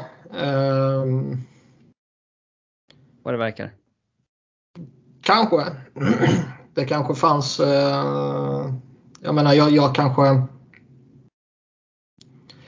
är, går man mer all in om man tradar till sig Andrew Kopp istället? Jag vet inte. Kanske, kanske inte. Mm. Men jag tycker ändå man, man, man indikerar ju tydligt att man gör det när man ändå ger upp någon, någon pick sådär och, och två liksom två bra äh, ja. backar. Liksom. Två bra prospects, två second rounders. Attrakt, attraktiva. eh, nej, men två second rounders, en fifth rounder och två top prospects får man väl säga ger man ju upp för att uh, boosta sitt lag slutspel. Så det, ja. jag tycker med att man ger upp. Det stora grejen är väl att man behåller ju sin first rounder 2023. Den mm. trodde man ju skulle rycka. Mm. Sen så är det väl, alltså målvaktsfrågan är väl en faktor. Uh, det finns väl en osäkerhet kring, kring båda två egentligen. Kanske inte för, för deras spel utan kanske mer om, om man håller ihop. Liksom. Oh. Men, uh, Men hur, ja. många, hur många målvakter i ligan är det inte en till i alla fall någon del osäkerhetsfaktor kring? Det är väl typ Vasilevski och Storken i Rangers kanske denna säsongen. Ja, och vem vet, snart har ju Vasilevski ett år där han by average och tjänar 9 mille. Då kommer mm. man ju sitta och tänka, ja. Mm. Det, men nej, jag tycker väl att det är en det är väl en, en rejäl push men det är mycket så här att eh, ja, så här, vissa som är så här, ja men jag, jag lovar att det här inte kommer vara tillräckligt. De kommer inte vinna i år heller. Det är här, ja, det är ju jättesvårt att vinna. Det är ju 16 lag som går till slutspel. Och, och 10 av dem har rimliga chanser. Ja, det är ju så här, inte så att eh, ja, men jag har sagt det till några, så, ja, men är du kuppfavorit så har du kanske typ 15-20% chans. Det är fortfarande mycket större chans att någon annan vinner. Det är så, mm. ja men så eh, Kings och Hawks som var riktiga contenders, de hade typ 80% chans att vinna. Uh. Nej. Nej, det, så var det inte liksom. Det, Avs är väl jättefavoriter så, men att vara jättefavoriter innebär ju inte att du har över liksom 50 eh, chans att vinna direkt. Så alltså, det, väst verkar ju vara, det är lättare att slå sig fram i väst. Ja, Öst kommer ju vara ena bloodbath där lag kommer komma ut sargade. Så att det, det, ja, det, det blir vad det blir. Däremot, jag, om jag ska vara ärlig, jag vill absolut inte möta Vegas i en första runda med wildcard. Så kliver liksom, oj nu är Mark Stone fit igen. Och, det, alltså, den vill ja, jag inte. Jag vill inte alla ha är den. friska nu. Ja, jag, jag, vill inte ha den matchen alltså. fan. Det kan jag för, verkligen förstå. Ja, eh, Columbus som sagt, man skickade Max Domi, fick in Horeshok. Sen var det ganska lugnt vi tog ju den lite från bägge perspektiv nyss. Mm. De säljer väl av det de kan. Man kanske skulle fått något lite mer för dem egentligen men äh. Alltså som sagt det var inte så mycket annat som verkar ha Man kanske fick mer för honom, det vet vi inte heller. Nej. Nej, Nej men alltså, vi, när vi pratade om dem i förra avsnittet när vi snackade upp trade deadlines. Jag menar, jag tror Niklas nämnde väl Dean Kuken och sen eh, Korpisalo och då Robin sa bara tvärnej. Så det, Det var ju det man hade som penning i UFA i alla fall. Sen hade man alltid kunnat göra något annat kanske, men Ja, får man inte vad man eh, erbjuds så ska man inte sälja heller. Alltså du, du måste ju ändå visa dig stark inför framtiden och sådär och inte etablera ett rykte som att det här är en kille som viker sig vid deadline liksom. Om man Nej, bara exakt. inte ger vad han vill ha från början. Eh, Kekkelainen sitter i en bastu med lite ris och en flaska vodka och tar eh, Zoom-samtal. Mm. Visar eh, styrka helt enkelt. Mm. Dallas. Scott Wedgwood in då som sagt från Arizona. Conditional fjärdedelsval skickade man till dem. Och sen plockar man in Vladislav Namestnikov från Detroit. fjärdedelsval 2024. Vi, eh, Robin nämnde ju Namestnikov som en bra deal nyligen här och vi pratade ju lite om honom förra veckan också när vi pratade liksom, lag för lag och, och var på Detroit. Jag tycker han är en eh, det är en bra användbar forward som kan eh, Han kan spela bägge yttrarna. Han kan Ja. spela center, han kan spela liksom en def-kedja, han kan fylla in i en toppkedja lite grann sådär kanske om det behövs. Men jag, jag, jag, jag fattar inte varför han var värd så jävla lite när eh, vissa andra, alltså priserna för typ Andrew Copp och så är ju brutala liksom. Men eh, bra av Dallas får man ju säga. Oh ja. Sen att de måste ge upp en för fjärde andra för att få in Scott Wedgwood, det är ju, har ju med skadesituationen på deras målvaktssida. Det är väl bara att tugga i sig och, och göra det liksom. mm. ja.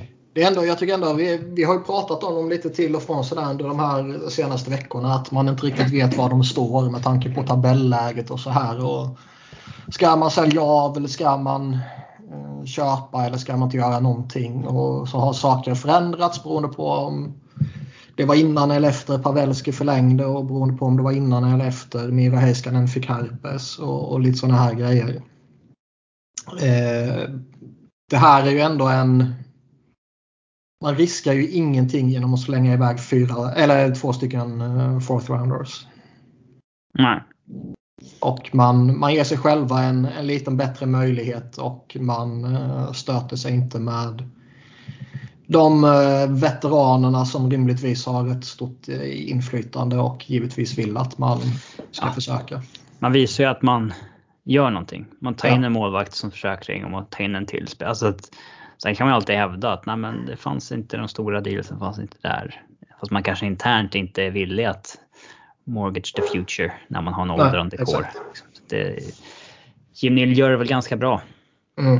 Han lämnar det här upp till spelarna att eh, lös det här om ni, om ni tycker om ni, om ni Om ni tycker ni är så jävla bra. ja, eh, typ. Ja. Eh, om ni skulle titta i kristallkulan här, hur tror ni det går för Dallas? Jag har tror inte allting eh, Koll beror på schemat och sådär riktigt. Nej, man har inte koll på schemat. Men jag menar de är tre poäng eller tre matcher bakom Vegas och har en poäng bakom bara. Så jag menar. Vinner de sin, en av sina hängmatcher så går de förbi. Två, två tunga raka segrar här av Vegas nyss alltså. De var viktiga. Oh ja. Men jag tycker fortfarande det, jag, jag, eller tycker, jag tror fortfarande nog ändå att det är eh, ja, även om Dallas som sagt har matcher till godo och bara är en poäng bakom så tycker jag ändå att det är lite upp till Vegas. Och det beror på lite av olika anledningar sen om de nog klarar det inte så att säga. Men eh,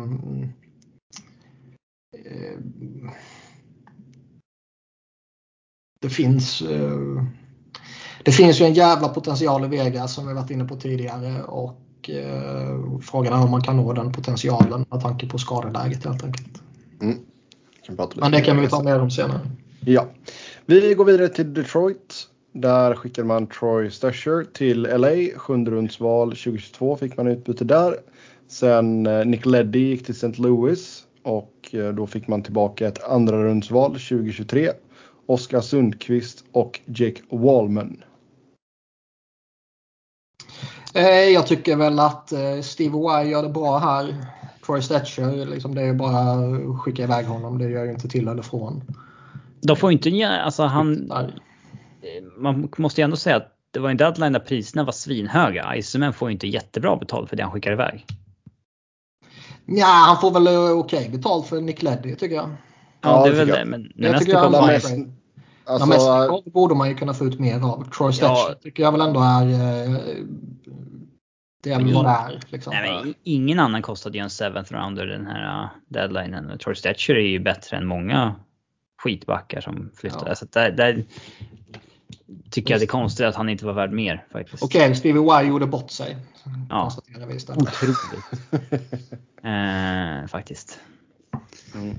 Men nej, han gör ju ett som säljer det som ska säljas. Inget konstigt. Men man trodde ju nästan att han skulle göra en sån här, uh, du vet som i fjol när han bara fick in Jakob Vrana. Mm. Att han skulle göra något liknande med Bertuzzi. Eh, men ja. Rätt deal fanns väl inte där. nej. Nej, det var väl det eller kanske eh, en Mark Stahl eller något sånt där man skulle kunna förväntat sig kanske. Men jag tror de värdesätter Mark Stahl rätt mycket i Detroit. Ja, man måste ju ha ett lag också. Det måste man komma ihåg. Det är inte Ja. bara maximize your return. Men som sagt, och jag menar, återigen nu tar jag upp detta, men de behöll ju på Nemesnikov och trots det bara ett fjärde rundsval. Um, Ja, den är märklig. Eh, som vi sa. Den... Uh, Men sneak, nu- sneak smart av, eh, av Dallas i alla fall. Nu verkar det, ma- alltså, det verkar i princip vara kutym att du ska behålla lön om du är den alltså, säljande klubben. Att det liksom förväntas nästan att du gör det. Mm. Om det är en UFA i alla fall. Och det kanske är oundvikligt med tanke på att eh, det är så jävla tajt mot lönetaket nu för jättemånga med tanke på att det har legat relativt mycket still i en längre tid nu. Det måste man ju säga mm, att det var en väldigt bra grej att de införde att man kan retaina. Mm. oh ja, Det, absolut. det var ju någon, jag tror det var Brian Burke som slogs för den möjligheten va? Och, Det kommer jag inte ihåg. Nej, det, det, det, det är mycket som inte hade varit möjligt utan den möjligheten. nej exakt. Ja, sen får vi väl se då vad Iceman hittar på i sommar. Då kanske han uh, går loss lite tyngre. Ja, ja kanske. Nej, men alltså kanske att en sån som Bertuzzi försvinner liksom. Mm. Och så vidare. Mm. Edmonton härnäst. Uh, Brett Kulak kommer in från Montreal. Och eh, man skickar ett andra rundsval 2023 och William Lagesson till Montreal. Jag säger som Pierre LeBrun tror jag det var sa att eh, skulle man för en vecka sedan sagt att han skulle kostat en second rounder och en eh, prospect så skulle man eh, så skulle folk tro att du var på crack. Mm. Ja. Det sa han i TV. Och det här känns inte som att det är eh, en standardfras på TSN. Nej, Mm. verkligen inte. Men han är väl liksom... Eh, han har väl ett rätt hyfsat gott anseende denna säsongen som lite av en defensivspecialist sådär. Eh, han kommer dyrt tycker jag ju ändå. Men eh, som lite sån här djupspelare att plocka in så är väl det en, en vettig spelare. typ. De hade ju Mm. väldigt lite att röra sig med och de plockade in två billiga spelare. Ja, de tog ju även in Derek Brassard då från uh, Philadelphia. Där skickade man ett fjärderumsval 2023 i utbyte. Börjar bli en riktig journeyman, Brassard. Ja. Tio lag nu och eh, nio spelare i NHL-historien som har kommit upp i så många lag. Eh, Bra jobbat. Det är ju Eh, bara att som sagt, hoppas att han eh, signar för ett elfte lag till sommaren. Sen tradas till ett tolfte. Ja. och ett trettonde. Men alltså Eh. han, han, eh, han är fortfarande användbar. Det är ju ingen du slänger in på McDavids vinge direkt eh, kan jag inte tänka mig. Men som någon form av uh, utfyllnad lite längre ner så Jag trodde han var totalt washed up när han gick till Colorado och eh, var jättedålig. Alltså liksom på gränsen till healthy scratch det slutspelet. Eh, men ja. Jag tycker han har varit bra i, i Flyers den säsongen i alla fall. Sen har han haft lite, sådär, lite skadeproblem och han har kommit tillbaka, spelat en match och sen har han varit borta en vecka eller två. Och sen har han kommit tillbaka och spelat en match och sen har han varit borta lite tid igen. Så. Han hade ju en jävla formtopp i början på säsongen där han uh, pissade in lite poäng och sen så har väl det jämnat ut sig så att säga. Men uh, ja, hyfsat ja. solid pickup. Jag tycker ändå det är två förvånansvärt vettiga grejer som Ken Holland gör. Trots att det är då enligt mitt tycke ett överpris på Brett Kulak. De tar i alla fall in vad det är de behöver, det får man säga. Mm. Det, det fanns ju ingen toppmålvakt att ta in liksom. Det, det, det, det, kan man inte förvänta sig. Men, Nej, och som sagt minimalt med utrymme också. Så det... Ja. De gjorde vad de kunde helt enkelt. Mm. Mm, Florida, där så landade man då Claude Giroux. Och eh, han kom över tillsammans med German Rubtsov, Connor Bunneman och ett femte rundsval 2024. Och till Philly skickade man Owen Tippett, ett första rundsval 2024 och ett tredje rundsval 2023. Försök att inte ta det här från Flyers perspektivet. Ja, nu är det bara Florida perspektivet här. Man blir Vad är det här av, för jävla man blir attack av, på, på Sebbe här du kommer med Robin? Ja, man blir av med Owen Tippet som inte liksom har funkat för dem på NHL-nivå. Um, ja, liksom, men han ju fortfarande värde. Det har han ja, jag, jag försöker vara lite extra negativ. Um, ja du, det kommer jag vara om en stund så det ja. Men eh, man... Eh, ja, man, man, kan väl börja säga så här att Rubtsov och Bönnaman är ju någonting som Flyers slänger in för att skapa sig lite utrymme för att kunna signa lite college-spelare eller osignade talanger som kommer så småningom. Så det, det, det är ju... Ja, det är ju bara... Det är inget... Det är liksom ingenting Florida gick efter. Utan Rubtsov är en, uh, han är en misslyckad first rounder som folk tror kommer sticka hem till Ryssland efter säsongen. Och Bannerman är väl kanske du vet en 14 15 forward på ett bra lag kanske. Ja. En användbar som man kan kalla upp och, och, ha på läktaren i slutspelet och händer någonting så kan han gå in och göra ett jobb i sju minuter i fjärde kedjan typ. Mm. Eh, alltså, å ena sidan så tycker jag inte att Claude Giroux ska vara värd så himla mycket mer än en former first rounder, en ett till första rundsval och en tredje runder. Det är väl, han är ju inte liksom 30-åriga Claude Giroux längre men när man ser priserna på vissa andra rentals som uppenbarligen är sämre så eh, kan det väl kännas lite snålt men, eller att man kommer undan billigt här Florida. Men när en spelare har en movement klausul och Försök nu att inte ta det här från Flyers perspektiv. Eh, då vet man ju som Florida att eh, som Boston i fjol. Om, om spelaren bara vill till dig, då är det du som sitter lite på eh, ja, du kan ju driva en hårdare bargain liksom än, än Nej, andra. Nej, så är det givetvis. Eh, så att det, men, lite som du säger, det, det är väl man får honom väl lite under marknaden känns det som. Eller under, Beroende på hur högt man håller en over tippet. Någon kanske håller honom mycket, mycket högre liksom. Men, eh, det är ingen lätt människa. Eh, nej men det, det, det, är väl häftigt att de går för det som de gör i Florida. Eh, sen så tycker jag väl inte att man ska... Eh, alltså de, har de inget förstahundsval kommande tre åren. Det är faktiskt lite rejält kanske.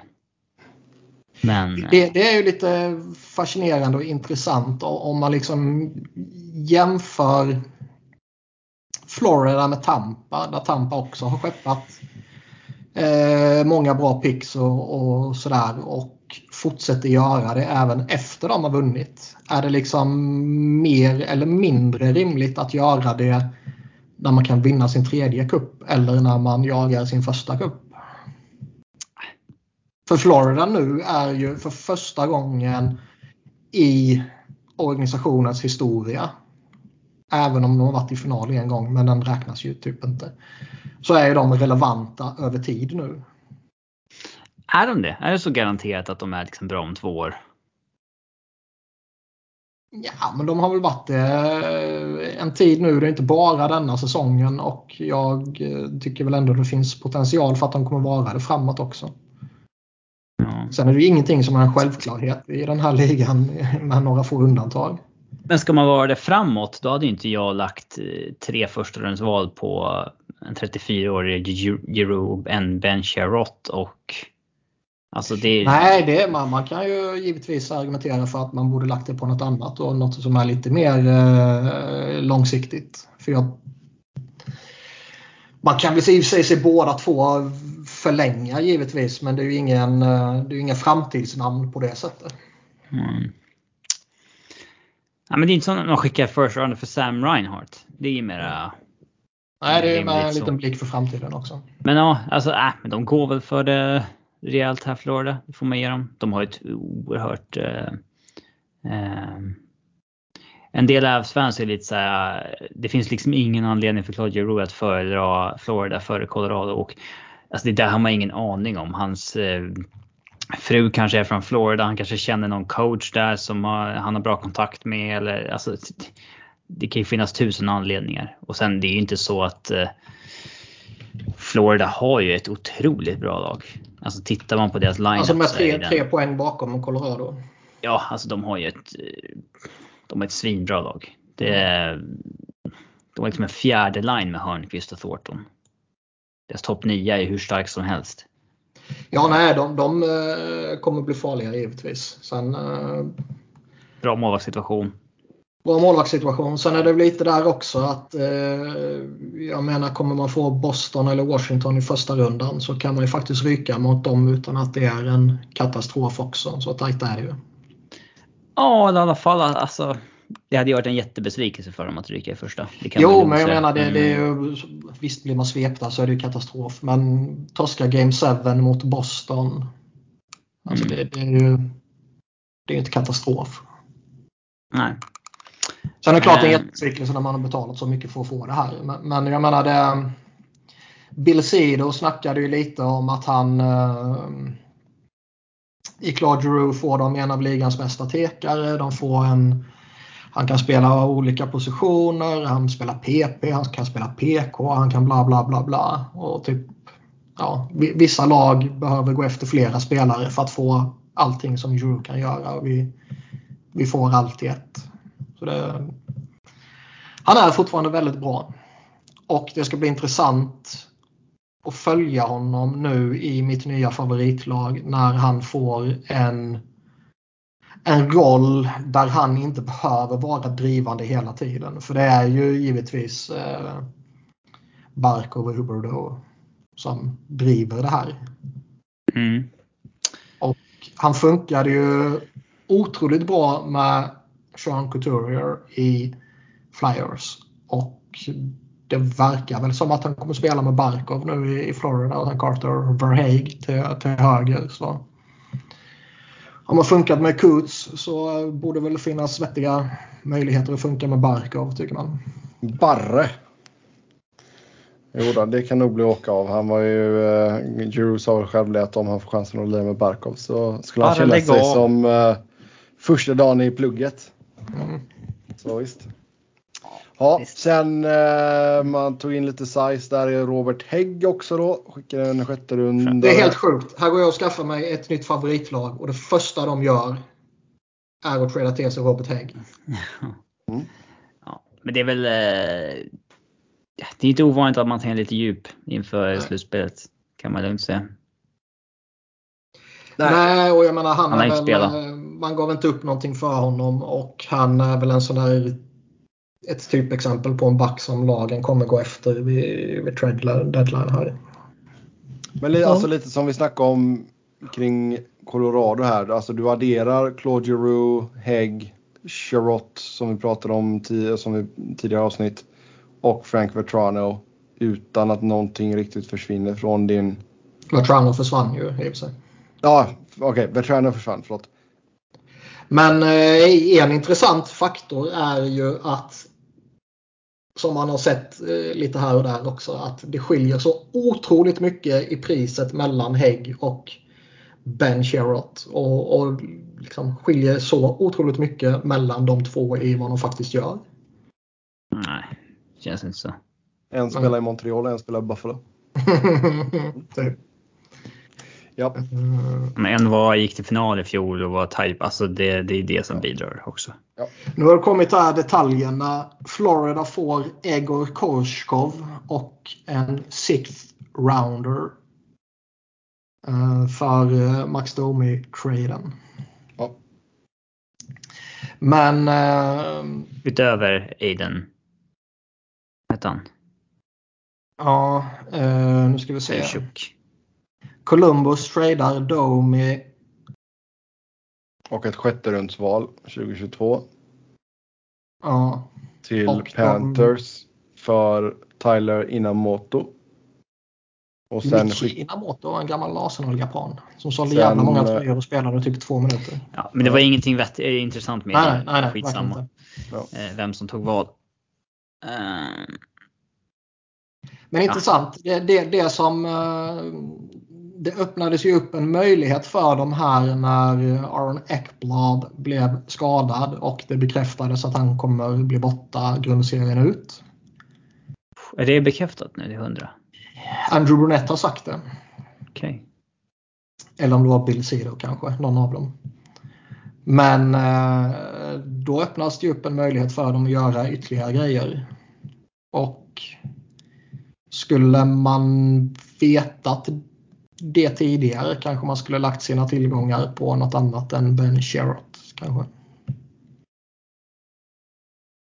För även om de har ett bra lag på pappret, eh, eller eh, ett bra lag på, på isen också för den delen, men, men eh, och bra, bra backar utöver honom så är det ju ett jobbigt slag. Mm. Så det var väl, eh, om det inte ligger någon trade och bubblar fortfarande på den här telefonkön så är det ju ändå eh, noterbart kanske. Ja. Mm. Gå vidare till Kings. Ja, och som sagt, det här var ju mesta snacket om att man var sugna på Chychrun och skulle man inte göra någonting där så Nej, man är försvara Troy sig djupet. Och så nöjer man sig med Troy Stature. Exakt. Skickar ett sjunderumsval till Detroit. Och det, ja, det var ju som vi, som vi trodde helt enkelt. Så det är inte så mycket mer att säga. Backdjup behövdes. Mycket skador. Troy kommer in. Li- Lite snack såg jag att det, det finns vissa rapporter som säger att det var lite värre med Drew Dowdy än vad man först trodde. Mm. Alltså, Gör, gör liksom det skadeläget på honom, lite osäkerhet där, lite skadeläge på Viktor Arvidsson, lite höga pris på, på marknaden och sådär. Att man helt enkelt bara säger fuck it. Ja, det är mycket möjligt. Alltså Arvidsson och det senaste på Arvidsson och Björnfot är väl att de hoppas kunna vara tillbaka inom en vecka typ. Ehm, sen får vi se hur det är med Doughty helt enkelt. Jag tror man kommer hålla det ganska tight lip där faktiskt. Men alltså, Men jag menar, är det riktigt illa med honom så då behöver man i så fall gå ut och, och ta in något riktigt stort om man ska liksom ersätta honom, om man säger så. ja exakt. Och med de priserna som är, Och verkade vara det kanske så. inte är ett pris man betalar om han ändå inte kommer vara tillgänglig så att säga. Helt, helt sant. Så man mer eller mindre kör på det man har. Eh, Minnesota. De har gjort en till trade sen det här skrevs. Mm. Lyckades trada bort, uh, lyckades trada bort Viktor Rask. De lyckades trada bort halva Viktor Rask. Ja. Viktor stannar och Rask drar. eh, eh, trada Viktor Rask 50% retainad till Seattle Kraken for future considerations. Mm. Så där är ju, den är viktig för dem att bli av med halva det kontraktet. Ja. In kom då Delorier från Anaheim i utbyte mot ett tredje rundval 2023. Eh, man fick in ett andra rundval 2022 för McBain där som vi pratade tidigare om till Arizona. Sen då in Fleury. Eh, och eh, Capo Kekkonen till San Jose och då fick man Jacob Middleton tillbaka i utbyte. Eh, de gör intressanta grejer såklart. Det är väl eh, oundvikligen så att man eh, vill fokusera på Fleury i första hand. Även om de andra är rätt intressanta av lite olika anledningar också. Men det som jag läste någonstans på, på Twitter typ att vad han än är, Fleury, så blir det en målvaktskontrovers. Ja. Det var det i Pittsburgh där med Murray, det var det med Lener i vad heter det, Vegas och nu blir det väl med Cam Talbot också. Och, eh, jag har inte punktmarkerat Minnesota direkt men tittar man bara på den enklast tillgängliga siffran vilket är hans räddningsprocent Talbot så är ju inte den eh, överdrivet imponerande direkt.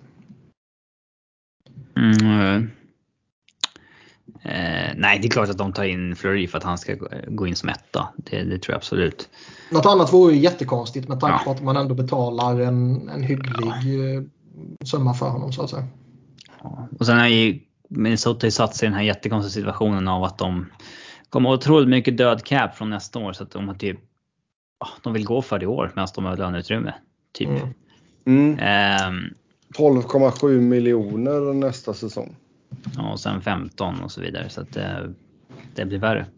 Eh, men ja, de hivar iväg prospekten Jack eh, McBain, får en second rounder, tar in Nick Dolori för en third rounder. Och som jag sa, han vill jag inte möta, han är jobbig.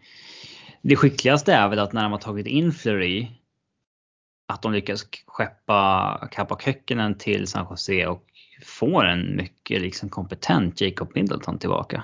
Mm.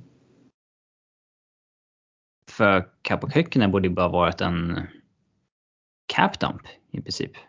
Det de var f- Man fick betala ett pick också men det var ett sent pick. Det jag glömt skriva upp där. Så det var en fifth rounder typ. ja. Men det är ju hanterbart. ja, eh, så att, nej, men det är ju en, en bra Jo, deadline. med sam, alltså, samtidigt så är alltså Kekkonen är väl så pass bra att han kan utmana om första spaden i San Jose liksom. Ja, men det finns många Kekkinens. Alltså det, Jo, så är det. alltså Jacob Middleton är en spelare som är eh, bra. De beefar ju upp sig lite i alla fall. De tar in lite size Mm. Mm. och lite muskler. Japp. Han kommer inte Eh, nödvändigtvis i Flurry, men i de andra. Ja, men, eh, ett bra eh, deadline av dem tycker jag. Få in en back, få in en målvakt, få in en goon. Eh, det, det får man ge. De ska bli tunga att möta. Ja.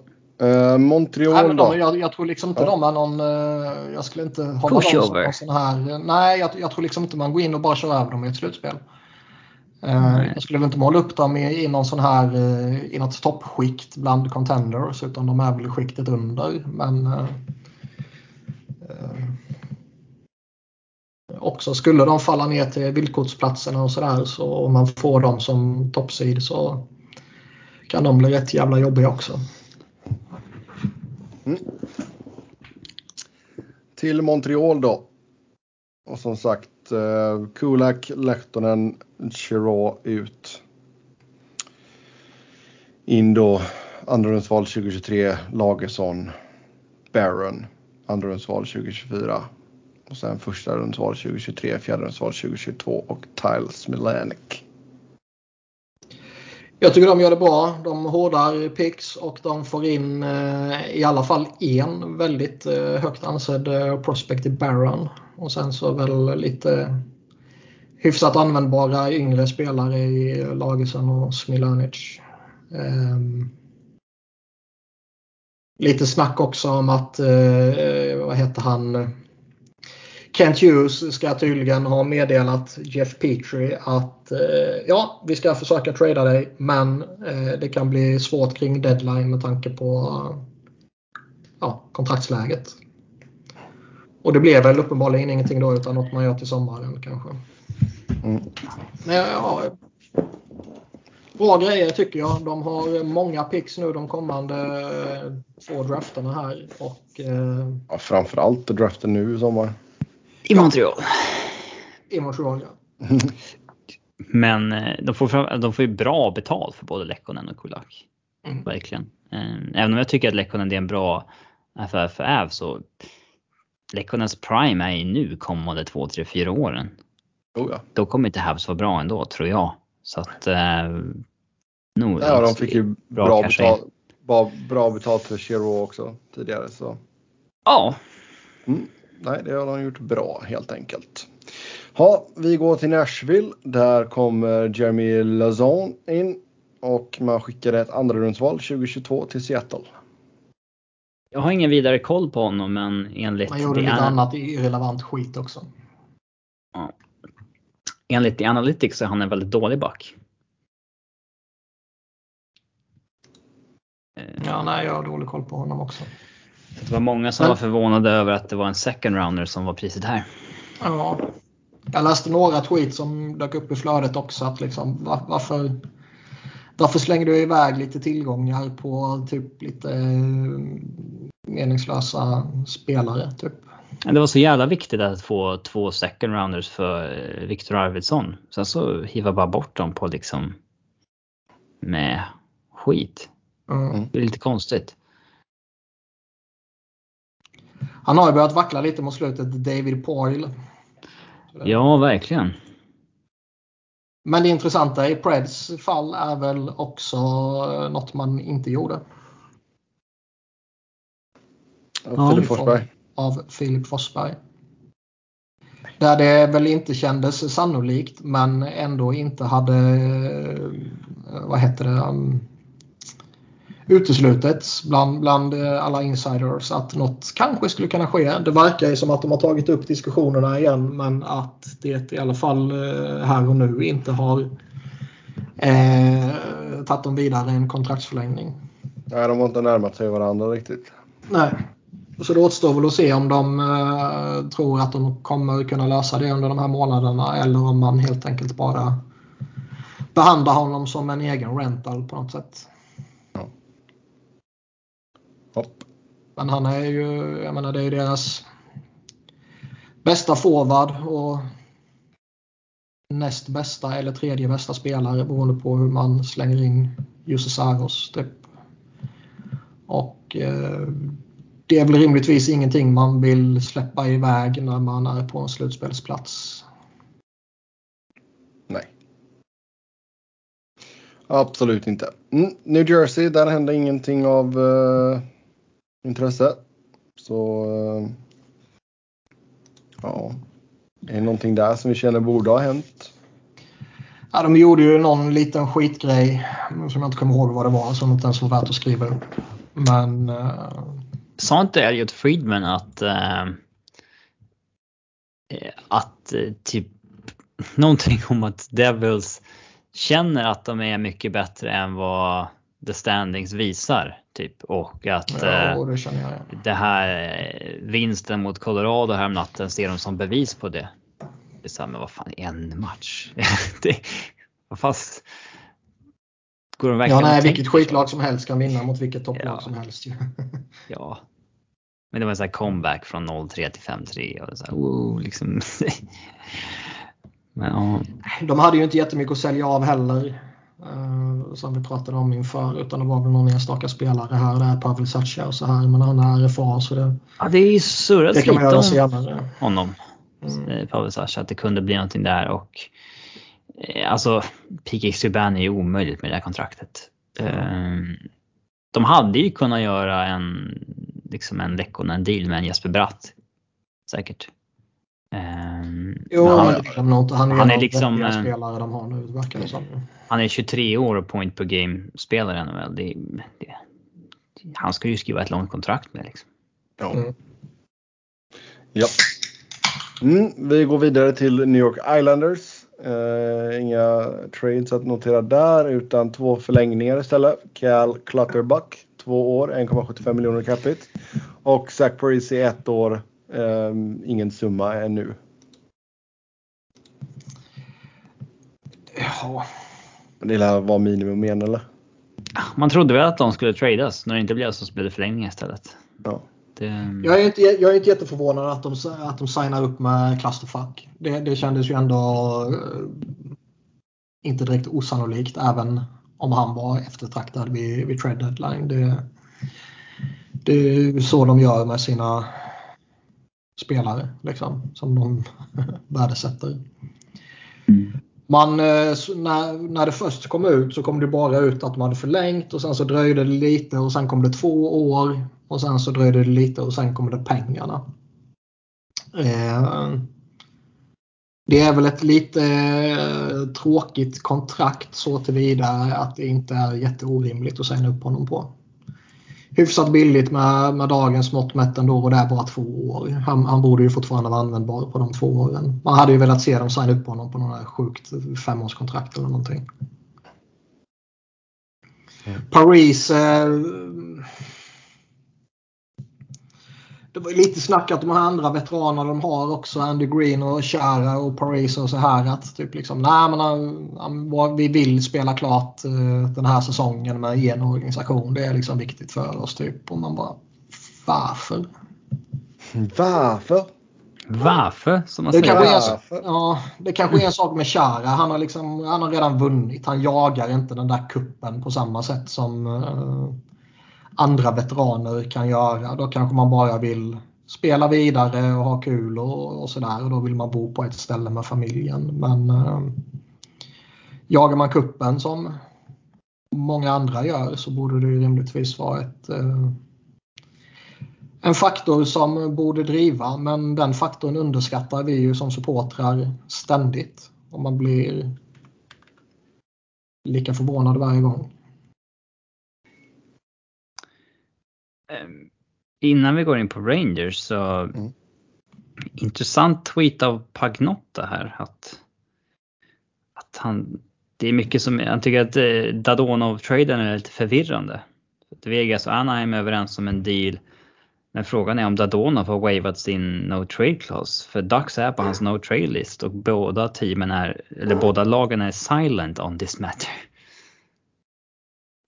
Vi sa att vi inte skulle lägga på förrän vi har uh, klarat av den traden. Den kanske ja. blir klar imorgon. Ja.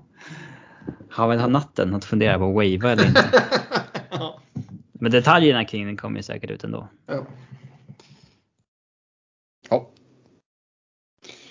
Japp. Uh, då ska vi se. Rangers då. Eh, Justin Braun in från Philadelphia. Man skickar ett tredjerumsval 2023 där. Sen skickar man ett fjärderumsval 2023 till Vancouver för Tyler Mott. Eh, och sen då Andrew Kopp och ett femterumsval 2023 går till Rangers och man skickar två conditional second rounders. Sjätterumsval 2023 och Morgan Barron till Winnipeg. Justin Barrons brorsa. Jag tror det ska vara sixth rounder till Rangers och fifth rounder till Jets. Ja. Framförallt så blir en ja. av de där två second rounders en first rounder vid något jävla condition. Eh, condition, båda är conditional och ena är eh, att den kan uppgraderas till en first rounder om Rangers vinner två runder och Copp spelar 50% av matcherna. Eh, den andra conditional är att eh, Man kunde välja vilket år. Välja mellan 2022 eller 2023. Mm. Ja. Alltså betalar man... Jag, jag tycker priset på Andrew Copp är väldigt, väldigt högt alltså. Ja, det är ju inte orimligt att uh, Rangers vinner två rundor direkt. Ja, alltså ibland så, jag menar, om jag var en annan GM nu skulle jag känna, men vad, vad kan jag få för mina third liners då? Om det här är priset på en på en bra third liner. Han har väl varit lite mer än det nu i och för sig. Ah, ja. Knappt. Nej, jag tänkte mer att han, han har spelat mycket med typ Elas och så här. Så det är kanske en definitionsfråga i och för sig.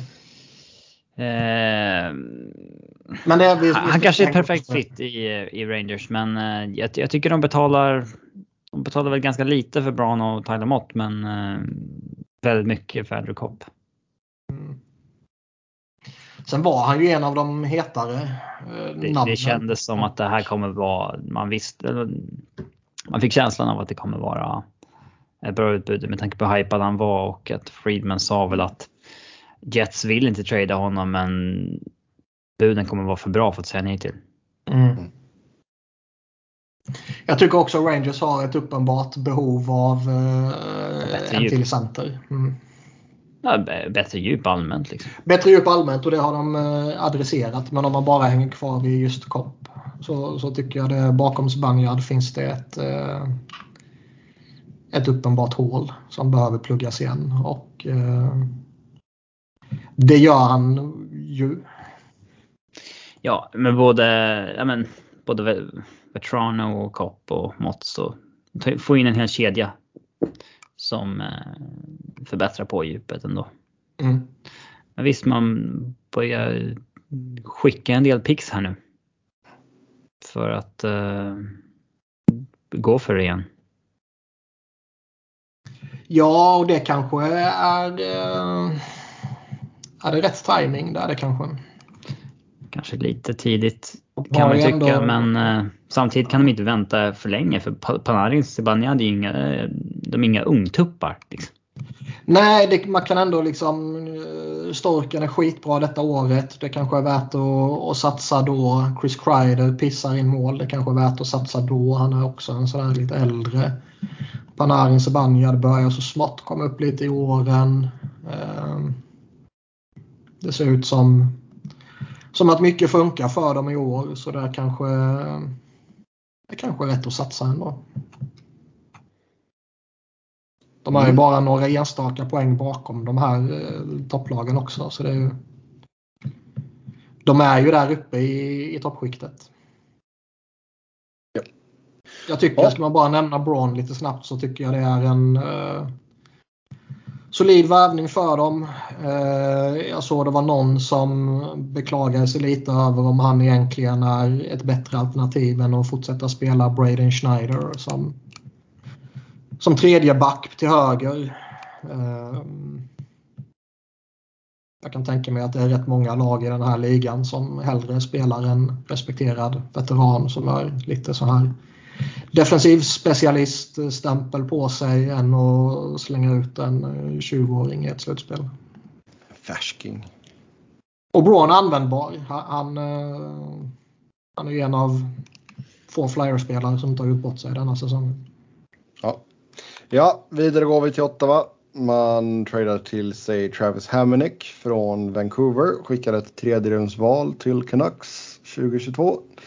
Sen eh, skickade man Nick Paul till Tampa och fick Mathieu Joseph och ett fjärderumsval 2024. Och sen skrev man en treårsförlängning med Anton Forsberg med en capita på 2,75 miljoner dollar. Hamonic-sagan är ju fascinerande alltså. Det är alltså en kille som var på waivers nyss. Mm. Kunde få honom helt gratis. Han är signad över nästa år. 3 mille. Otroligt mycket pengar för vad han är idag. Han borde ju ha negativt värde. Eh, men Ottawa känner att det är värt att betala en third rounder för att ta in honom. Den är jättemärklig verkligen. Han var ju, han var ju på waivers tidigare i år. Liksom. De fick ju Chabot förmodligen eh, allvarligt skadad här nyligen. Man undrar ju om det kan ha drivit dem till någon panikåtgärd att vi måste ha in en NHL-back och så tycker man att han är det. Så är det kanske. Men jag, det fanns ju man kan många ju, man kan ju liksom. att, eh, jo, jo, jag håller med dig. Men eh, jag försöker bara se det från deras håll. Och man kan ju tänka sig att uh, Pierre Maguire tycker att det här är en skitbra spelare. Mm. Oh, ja. Ja. Ja visst, det kan man ju se. Kommer ni ihåg hur hypad han var under Islanders-tiden? Han med Henrik. Han var ju bra och i allra högsta grad väldigt användbar då. Ja. Men det var liksom när han, bad, när, han, när han bad om den där traden från Islanders då skulle han ju då, då var det liksom Chychrun-utbudet som, som gällde. Mm. Tre liksom ja, first rounders eller liknande värde i princip. Eh, ja. Men eh, nästa dealen, den andra dealen de gör tycker jag är rätt bra. Matthew Joseph och en fjärde rundare för Nick Paul. Mm. Mm. Nick Paul är ju, han är väl en bottom six spelare som har spelat topp 6 minuter för Ottawa i år och har väl inte riktigt samma... Eh, det finns väl ingen upp, så mycket uppsida där eh, riktigt. Matthew Joseph har väl lite uppsida. Eh, att han kanske kan lyfta lite med fler minuter i Ottawa. Eh, och de får ett pick på köpet. Så tycker jag väl de gör en rimlig, eller bra resigning med Anton Forsberg också som har varit bra. Japp. Bara att instämma med dig där Robin. Vi hoppar Philadelphia va? Och så går vi till Pittsburgh. Till, ska vi spara Fille till sist? Så att folk kan tona ut eller lägga på. Ja, exakt. Vi tar det efter alla lyssnarfrågor och allting. Så bara... Nej då. Philadelphia, som sagt, hej då Claude Giroux. Eh, Du finns inte längre. Vi tar ner alla Skylten. bilder på dig. Skyltarna ska ner. Allting ska ner. Träningsanläggningen ska göras om. Deeru, Eh, vad säger man? Deurufixation. Jag säger Deurusnisation. Ja. Eh, Men som sagt, det man får in då. Owen Tippett, ett första rundsval 2024 och ett tredje rundsval 2023. Eh, Vad- Niklas, hur missnöjd är du med utbytet? V- vad är det Flyers-fansen är arga på egentligen? För jag hajar inte, jag hajar inte det. Jag är arga på allting, alltid. Oavsett om det är befogat eller inte. Men det är väl mer så generellt att så här, hur fan hamnade vi här? Fy fan. Det är väl så eh, Det, snarare det, alltså, än... he, he, ja, exakt. Det, det är mer lite liksom att hur fan har man kunnat hamna i den här situationen? Dels i största allmänhet, men Man såg som en eh. contender för två år sedan liksom. Och så bara hamnar man Mm. här. Nej, men så, man, man, så, så tänker man ju i största allmänhet och man tänker så kring eh, liksom Giroud. Som ju är den, den stora grejen givetvis. Att, eh, hur kan man överhuvudtaget hamna i ett läge där man behöver trada iväg sin eh, lagkapten och sin näst bästa spelare eller skater då så att säga genom tiderna. Eh, Skater. Ja, men Bernie Parent är väl den näst bästa om man tar alla spelare. Liksom. Eh, När, när vi säger skater så tycker jag alltid att det låter som att då är det, en, då är det en, liksom Tony Hawk vi snackar om. Ja, han kanske tvingas gå i pension nu. alltså, jag. Han har brutit benet. oj, oj, oj. Men eh, nu kommer jag av mig. Vad fan var det jag sa? Jo, nej, men liksom man, att man hamnat i en situation där man måste trada iväg en snubbe som liksom i grunden vill stanna och uppskatta staden och var liksom allt som har läckt ut och kommit fram är ju att han likt många, mig inkluderat, trodde på, på det här under off-season och eh, liksom gick in i det här och, och båda parterna var överens om att man skulle se vad, vad som hände både med, med laget och med honom och ta en, eh, en diskussion efter säsongen. För det var ju ändå när man gick in i den här säsongen så var det väl inte helt uppenbart om Euro skulle vara en 6 miljoner spelare eller 3 miljoner spelare eh, sommaren 2022. Eh, och sen så har ju hela skiten fullkomligt kraschat och det har ju varit uppenbart i många veckor nu att eh, en Eurotrade skulle ske och att det typ av två anledningar, kappanledningar för att han kostar en del då givetvis och att den här tusende matchen då uppenbarligen ska ha varit väldigt viktig för honom. Det var ju det som gjorde att man var tvungen att vänta in eh, de här sista dagarna. Typ. Så den, den faktorn att man har hamnat i den här situationen både med honom och med laget som helhet är ju det som är det som gör att det finns en allmän, eh, ett allmänt raseri kring hela jävla skiten. Sen att man har inkompetenta dårar som styr den här jävla organisationen.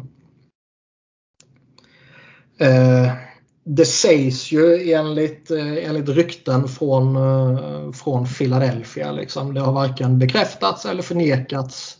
Det är mycket skumma rykten från Philadelphia i våran podd som inte riktigt bekräftas Oh, så mycket. Men eh, Nej, men det har varken bekräftats eller förnekats av, av liksom de här eh, Friedman eller Chris Johnston eller LeBrun eller vad det kan vara. Liksom.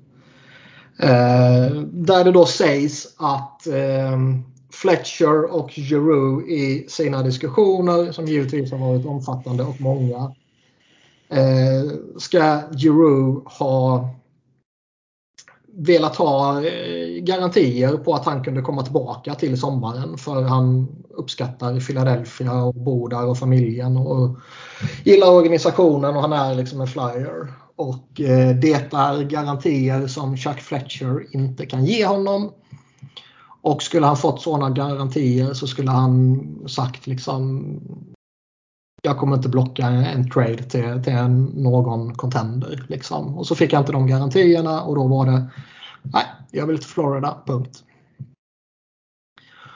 Och det kanske Det inte, att tro på faktiskt. det kanske inte är sant.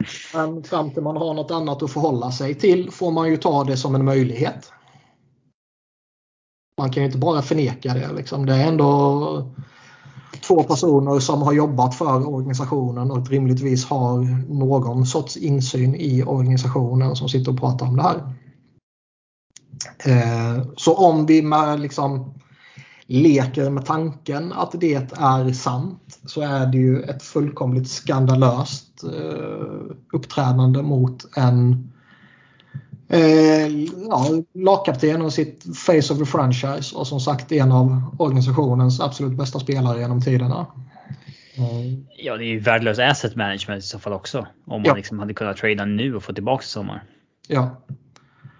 För om det är så att, att Flyers har ambitionen att vara competitive nästa år, vilket man ju har eh, starkt uttalat, så är man givetvis bättre om han kommer tillbaka än om han inte kommer tillbaka. Sen så Ja. kan man ju, kan man ju då resonera kring liksom, okej, varför kunde inte Chuck Fletcher ge honom den, eh, det löftet? Är det för att han inte vet om han kommer ha något cap space eftersom han precis har signat upp Rasmus Ristolainen på ett galet jävla skitkontrakt? Eller är det för att han är skeptisk till om han vill ha tillbaka Euro av någon anledning och så vidare och så vidare. Där kan man ju bara spekulera hej. Kan det vara så att man känner att organisationen måste gå vidare och bygga något nytt? Liksom, är det, det Kan absolut vara en faktor. Så kan det ju vara. Liksom, det behöver ju heller inte vara helt fel. Alltså, Nej, det behöver inte vara fel. Jag menar, det kan man se. Det ser man väl titt som tätt bland hockey och fotboll, vilket är det jag följer. Att eh, ibland kan det faktiskt vara rätt att, att släppa en spelare även om spelaren fortfarande är väldigt bra. Problem, problemet med det är liksom att jag tycker fortfarande man får ett för dåligt utbud för honom. Ja, det är inget problem med lacrosse kan jag säga. Där, där händer det aldrig. Ja, du satte in i lacrosse nu. Nej, det är bara skönare att ha en sport man kan liksom slänga sanningar på som inte behöver vara sant eller inte. Det, Ja, jag, vill se, jag vill se Analytics eh, lacrosse. ja. Fan, det funkar. Men eh, här tycker jag att Flyers-fansen är lite, eh, liksom, vad säger man, contradictory. Att eh, man kan inte säga att, eh, Motsägelsefulla. ja, att, eh, att Flyers borde respektera Giroux wish och släppa honom till Florida och sen samtidigt hävda att man ska få mer för honom om det liksom är bara ett lag som gäller. Alltså, Jag tycker fortfarande man kan vara besviken på att man inte får en, eh, en, vad säger man, en bättre ansedd prospect en Owen Tippett. än Owen Tippett. Ja, som ändå är... Alltså han, han är ju som Mike Joe sa, a hockey player. Så det är att man i alla fall fick det för sin jävla franchise-ikon. Liksom. Mm. Ehm, Han är en spelare. mm. Och Men han är alltså- ginger. We're a team and he's a player. Men alltså han, han kommer ju han kommer förmodligen vara en NHL-spelare i Flyers. Liksom. Han kommer förmodligen inte vara kass. Och eh, vem vet, han kanske, får, han kanske är en late bloomer och får ett ryck bara genom ett miljöombyte. Men han har liksom han har producerat bra på alla nivåer under NHL. Han är en... Det är ett gott tecken. Dock finns det ju något. Men vad sa du där? det är ett gott tecken att man, att Ja, man det är ett gott tecken. Och han är point per game player eller strax däröver i AHL till exempel. Och, och, eh, Eh, ja, det, det, är en spelarprofil, alltså en utpräglad skytt och sådär som saknas lite i, i Flyers system. Liksom. Men han har inte gjort ett skit i NHL. Där han har spelat två halva säsonger. Där Huberdo är hans vanligaste kedjekamrat. Och han är 23 år. Flyers har haft eh, en längre tid nu jättesvårt att utveckla sina egna spelare.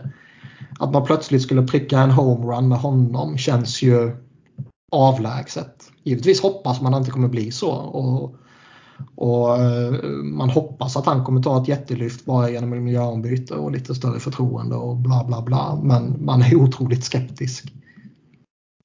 Jag tycker fortfarande man kan vara eh, liksom, jag, jag, tycker fortfarande det kan vara relevant att tycka det är rätt att ta hänsyn till Claude Giroux önskemål samtidigt som man kan ha förväntningar att faktiskt få en riktig prospect för honom. Om det sen är en eh, liksom, Maki Samoskevich eller vad det nu skulle kunna vara, Grigorij Denisenko eller sånt här. Det, det kanske är en smaksak men jag tycker ändå det fanns man skulle kunna få något bättre. Liksom. Och det, är, det är en känsla som jag tycker präglar alla trades man har gjort här. Men framförallt är det ju en faktor när man tradar iväg sin bästa spelare. Liksom. Sen är det ju en, en first rounder som är conditional, som är top 10 protected och ja, om det blir topp 10 så kommer det bli 2025 eh, istället. Så det är någonting som är väldigt långt fram vilket gör det väldigt svårt att sätta något värde på det. Eh, nu tror väl jag visserligen att det typ är ett pick man kommer använda till sommaren för att göra någon annan trade. Mm. Om det sen är att man behöver betala någon jävel för att ta på sig JVR eller om man använder det i en mer typisk hockey trade så att säga. Det, det får väl framtiden utvisa men, men jag är ändå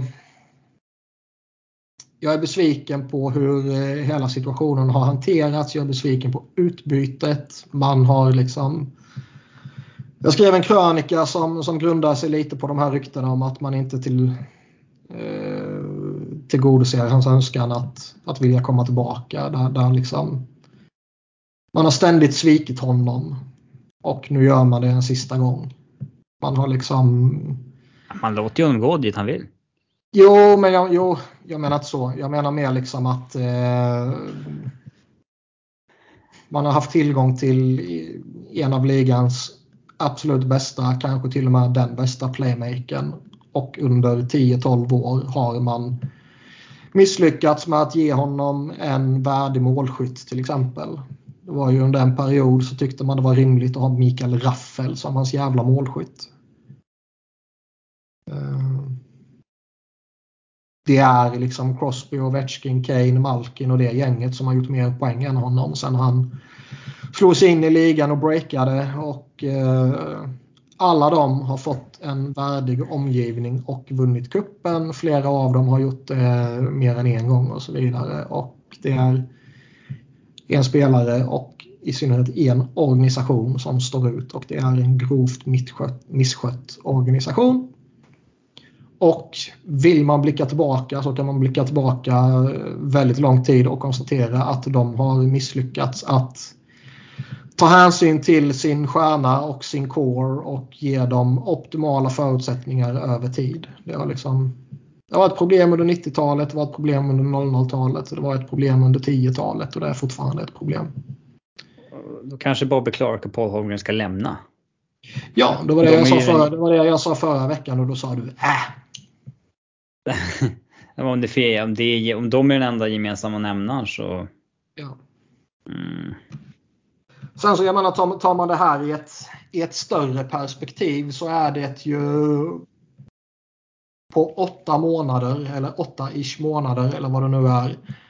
Så är det liksom Claude Giroux till halva kostnaden, Shane Gustafsberg Jakub Voracek, German Rubtsov, Robert Hegi, Connor Bannerman, en first rounder, en second rounder, en till second rounder och sen ett par sena picks som har bytts bort och har resulterat i Owen Tippet, Rasmus Ristolainen plus en absurd förlängning med Rasmus Ristolainen, Cam Atkinson, en first rounder och en third rounder. Det är ju en eh, nedgradering som är rätt tydlig tycker jag. Och då är det ändå vissa delar där som är användbara. Givetvis liksom Cam Atkinson, ja jag gillar honom. Owen Tippet, he's a player. en first rounder en first rounder och användbar som trade chip. Men ja, nej, jag vet inte. Jag, jag har aldrig varit så djupt nere i min Flyers-depression som jag är nu. Mm. Då har den Eh, varit, eh, Justin Braun får man inte ens tillräckligt för. nej, vi har inte ens kommit till resten än. Jag försökte pusha det dit. ja, det. Nej, men Justin Braun tycker jag är en... Men Titta priserna på alla backar som gick. Titta priserna på alla backarna som gick så tycker jag definitivt man ska förvänta sig en second rounder eller en third rounder plus ytterligare något pick för honom. Det är ändå en hyfsat billig högerfattad defensivspecialist som kan spela PK och som är respekterad runt om i ligan. Ehm, även här sägs det ju att man eh, skulle ta hänsyn till hans önskemål. Vilket är varför? Om det är sant, varför i helvete är det viktigare än att få så bra utbyte som möjligt? Det är en faktor kring Claude Giroux, det tycker jag absolut. Där ska man ta hänsyn till det. Men Justin Braun, han har varit här i tre, blir det väl, säsonger. Och har visserligen gjort det bra och varit eh, en, en god soldat men eh, inga kopplingar till organisationen på något sätt och han kanske är en skön dude men vad fan liksom. Ja, Det eh, är, eh, samma grej tycker jag man på något sätt kan tillämpa kring Derek Brassard. Att fourth för honom är väl okej men jag tycker inte det varit orimligt att tycka att man kanske skulle kunna fått lite bättre än så för det. Ja, Den tycker jag är nog rimlig ändå. Men Ja, I synnerhet som det är Ken Holland man pratar med. ja. Eh, lyssnarfråga här, eller två lyssnarfrågor. Först, eh, hur mår Niklas egentligen? Det är Nej, många som verkligen undrar. Det, är- det, är ju ingen, det är ingen fara med min mentala hälsa. Den här Flyers-depressionen är ju ingenting som påverkar mitt liv givetvis. Du är van Eh. vid Arsenal också. Ja, men de är ju på uppgång nu. Jo, men jag säger du. De har ändå varit bra en gång i tiden. Det var länge sedan Ja. nu som, som Flyers var bra. Liksom. Men eh, det är tio år sedan där slutspelet 2012 som man kände att här kan det faktiskt hända någonting. ja, Det är senaste gången. Senaste gången Euro hade en, en komplett riktigt bra kedja som... Ja, Scott Hartnell och Jaromir Jagr. ja, Då var de bra på riktigt. Men eh, nej, som jag sa nyss, jag, jag har aldrig varit djupare ner i min Flyers-depression och det är ju både baserat på det som har hänt i närtid och det som har hänt över en lite längre period och framförallt så är det ju en extrem rädsla och eh, en stor portion eh, tvivel till vad som komma skall. Eh, är det så att man inte kan garantera Giroud en återkomst för att man vet via kontakter som man har att Johnny Hockey kommer hem till sommaren. Då kanske det var ett nödvändigt kallt beslut att ta. Liksom. Men eh, det tror man ju inte heller på. Om man är Alltså för, första delen av Chuck Fletchers plan var att signa upp Rasmus Ristolainen på ett helt sjukt kontrakt. Det är delen är jättekonstigt hans- att man, alltså, an, an, alltså varför säljer man inte Ristolainen om man säljer Giroud liksom? Det, den är konstig. Varför gör man inte det? Och eh, visst, nu såg man ju inte vad marknaden skulle bli innan man signade honom givetvis. Men varför avvaktade man inte för att se vad marknaden landade på innan man signade honom? Det är ju Ja, inte alls orimligt att man ju- kunde få, få tillbaka en stor del av det man betalar för honom. Vi vet ju att han är omtyckt i hockeyvärlden, Ristolainen. De hade fått, alltså de hade ju fått saker för honom. Retaina hälften på honom och du får garanterat en first rounder plus tillbaka. Ja. Det, absolut. Det är för att han är 27 år, de anser att han har liksom 5-6 år kvar bra hockey. Ja. Det är väl det. Och att de helt enkelt tycker att han är bra. Ja. Eh, Ja, eh, Men Flyers är i det läget när man inte fattar vad planen är. Ska de vara bra eller ska de inte vara bra? Eller nej, de kommer inte vara bra, det kan vi slå fast. Men för, kommer de försöka vara bra? Nej men ambitionen och- är ju ändå att vara bra. För det, det är det vad de har sagt de vill vara. Liksom. Det har de varit jättetydliga med. Och då är den första delen av den planen att signa upp Rasmus Ristolainen på ett helt sjukt kontrakt. Den andra delen av den planen är att alienera sig med Drew eventuellt då. Och definitivt trada bort honom. Och eh, vem fan vet vad som händer framåt. Flyers har ju, alltså det är inte jättelänge sedan de hivade Ron Hextall. De kan ju inte liksom skeppa Chuck Fletcher så, så direkt på. Eller? Hur många år har han bestämt egentligen? Tre? Eh, det här blir ju hans tredje hela säsong. Han kom Ja. in mot, mot slutet på eh, en säsong där ju. Men eh, liksom, jag menar nu, nu, nu han, hans tredje hela säsong kommer snart ta slut. Eh, Dave Scott som är liksom CEO och sånt där. Han har ju bekräftat att liksom Chuck Fletcher är uh, his guy. Och han kommer få den här sommaren på sig och rätta till det här och han kommer väl med all sannolikhet, får man jävlar i mig hoppas, ta in en ny coach till sommaren. För den här jävla dåren kan inte fortsätta som head coach. Och då blir det hans femte coach under hans eh, tre och en tredjedel säsong eller vad det blir. Visserligen ärvde han en av dem och kanske blev borttvingad i en av dem när han var tvungen att sparka den han ärvde. Liksom. Men ehm, Nej, jag vet inte. Det, är... eh, Ska vi se. Nu får jag bryta in här. Dadonov eller? Kan ta det med Ja. Det, det, det Ja, är okej. absolut inte så breaking så att du ska avbryta mig mitt i min... Ja. Vi kommer till Vegas sen. Ja, Okej då, okej då. nu fick du mig att tappa tråden bara. Ja, det är bra. Jag kan ta Vilket nästa gör att nästa jag får istället. eh, börja om istället. Nej, verkligen inte. Men Ja, eh, ä- även här kan det eventuellt finnas en, en, en grej för vad man inte gjorde med tanke på att det har ryktats lite om Provorov Sandheim. Och eh, det kändes väl som att det, om det kommer ske någonting där så är det en sommartrade. Så jag var inte, det var inte direkt så att jag satt och funderade på om något sånt skulle ske nu. Men man var, lär vara väldigt aktiva till sommaren. Jag tror man kommer göra vad man kan för att skicka typ JVR till Seattle eller Arizona och det får man väl betala dyrt för att göra. Ska man kunna gå efter någonting bra överhuvudtaget, om det så är Kadri eller Johnny Hockey eller vad fan det skulle kunna vara, så måste man ju skaka loss lönekostnader. Mm, det kadrikontraktet kan nog bli roligt. Eh, nästa lyssnarfråga här. I och med att man fick in, eh, ja, ut med en ginger, in med en ny ginger. Eh, lyssnarfråga här då. Vilka fler gingers skulle Flyers må bra av till nästa säsong? Rangordna befintliga gingers samt ut en topp 5-lista på Flyers gingers genom historien. JT Confer skulle kunna passa in. Ja, han pratade vi om som eh, ett lämpligt utbyte i en Euro-trade. Ja. One for one. Men alltså vad fan man, eh, Johnny Hockey är väl, eh, är han ginger? Nej. Nej, Det är han inte va? Han är Nej. bara lite, Han är mörkhårig. han är mörkhårig. Jag har svårt att se han framför mig nu. Nej, Jag vet inte vad fan man, jag har inte koll på folks hår för fan. nej. Han har hjälm på sig när de spelar. Ja. Hockeyspelare ser jättekonstiga ut och ibland helt oigenkännliga när de inte har hockeyutrustning på sig. Och ibland räcker det bara att ta av hjälmen på dem. Ehm, Nu söker vi på NHL Gingers. Cody Eakin är ginger. mm, han har jag inget behov av. Uh, ska vi se. Ja, det är lite gamla spelare här.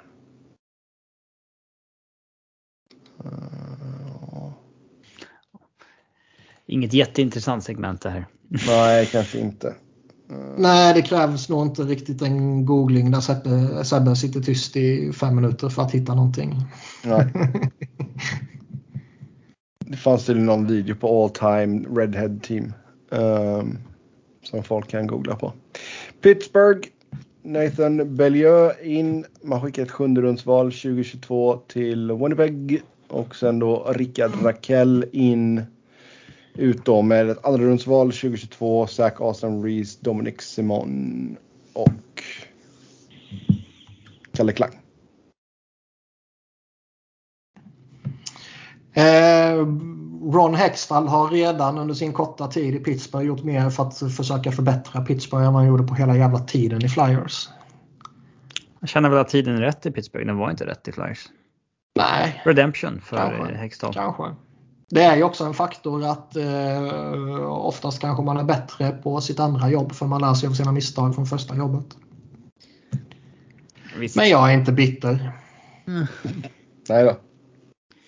Um, Men Rakell, eh, vi, vi pratade lite om honom eh, tidigare såklart och han är ju en högst användbar spelare som kommer kunna ta lite kommer in ganska billigt. Ja, han kommer kunna ta lite olika roller i, i deras lag. Det är väl rimligt att förvänta sig kan jag tycka att han kommer testas som eh, winger i ja, jämte någon av deras centrar. Antingen till vänster eller till höger. Och, eh, där har de väl ett litet, litet behov med tanke på att eh, alla, typ Kapanen, inte har funkat jättebra för dem. Jag menar, gå in och spela en eh, säsongsavslutning och ett eh, slutspel jämte Malkin eller Crosby kan ju dopa lite siffror och eh, ge honom några extra miljoner till sommaren.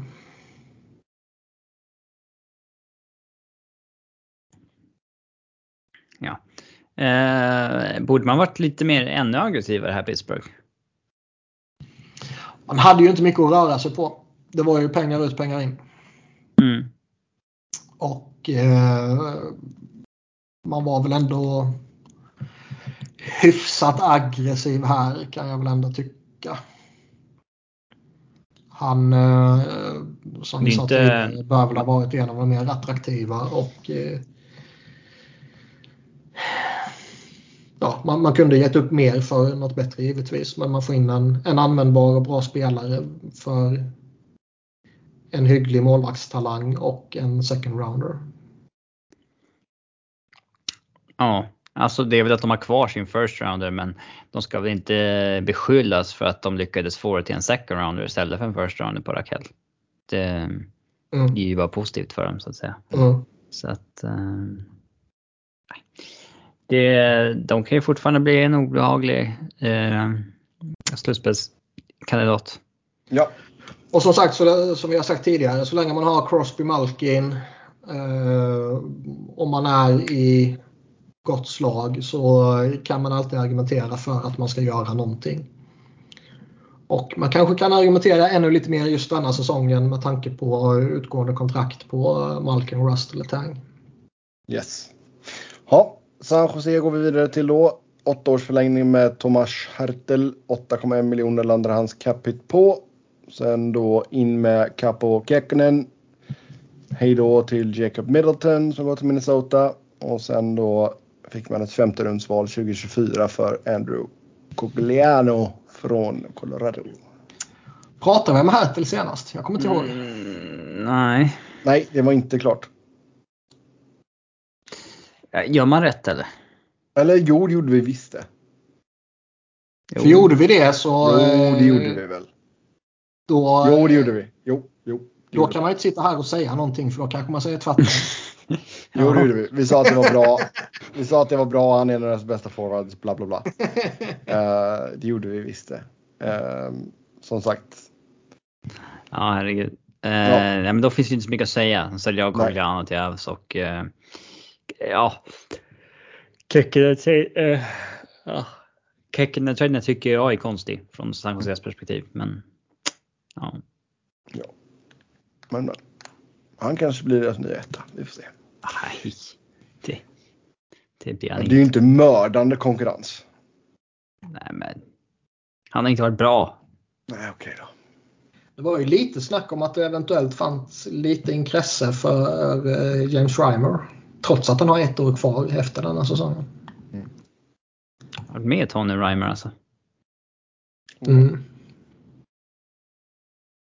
Så, Men det är väl, de, de är väl... eh, de är väl fast lite i, i något mellanskikt med tanke på att man, man sitter på de här massiva kontrakten som man har.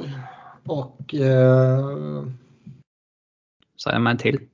nu signar man ett till och snart kommer man väl rimligtvis göra det ytterligare en gång med Timo Meyer. Och, Man har väl mer än 50% av sitt cap space i fem spelare. mm, Couture, Hertel, Karlsson, Burns, Vlasic. jag läste någonting men jag kommer inte ihåg om det, bara, om det var ett rykte eller om det bara var någon som tänkte högt så att säga att man kanske köper ut Vlasic. Det var Friedman som lyfte den tanken. Och Friedman kanske. Mm. Och det skulle ju vara lite av en bomb alltså. Mm. För det öppnar ju upp eh, en del. Det blir ju eh, ett par, tre år där det blir några miljoners eh, cap hit. Men det annars är det ju majoriteten av det blir ju att man betalar strax under 2 miljoner. Ja, det öppnar inte upp jättemycket kommande fyra åren. Nej, Alltså, det, det, så det är inte värt det skulle jag säga. nej, kanske inte än. Det kanske Nej. är ytterligare en, Pushar det framåt lite. Men nej, det är ingen bra situation där med Erik Karlsson på 11,5 signad till hur länge som helst och Burns på 8 signad i fyra år till. Han ser väl bäst ut av dem fortfarande. Mm. Ja, till Seattle då. Ehm, Mark Giordano och Colin Blackwell till Toronto i utbyte mot andrarumsval 2022, andrarumsval 2023, tredjerumsval 2024. Eh, man gör väl rätt som säljer av det man kan. Och så Rask då också. har Han kommit in sen. Ja. Nej, men man gör väl rätt som säljer av det man kan eh, på alla håll och kanter. Ackumulera pix. Eh, det enda jag skulle, jag, jag skulle vara lite besviken att inte få någon first rounder för Giordano till exempel. Mm. Mm. Annars så tycker jag inte någon av de andra de dealar är värd så mycket mer än vad de fick för dem. Kanske att Nej. Mason Appleton skulle varit mer, värd mer än en fjärde rundare men Mm. ja.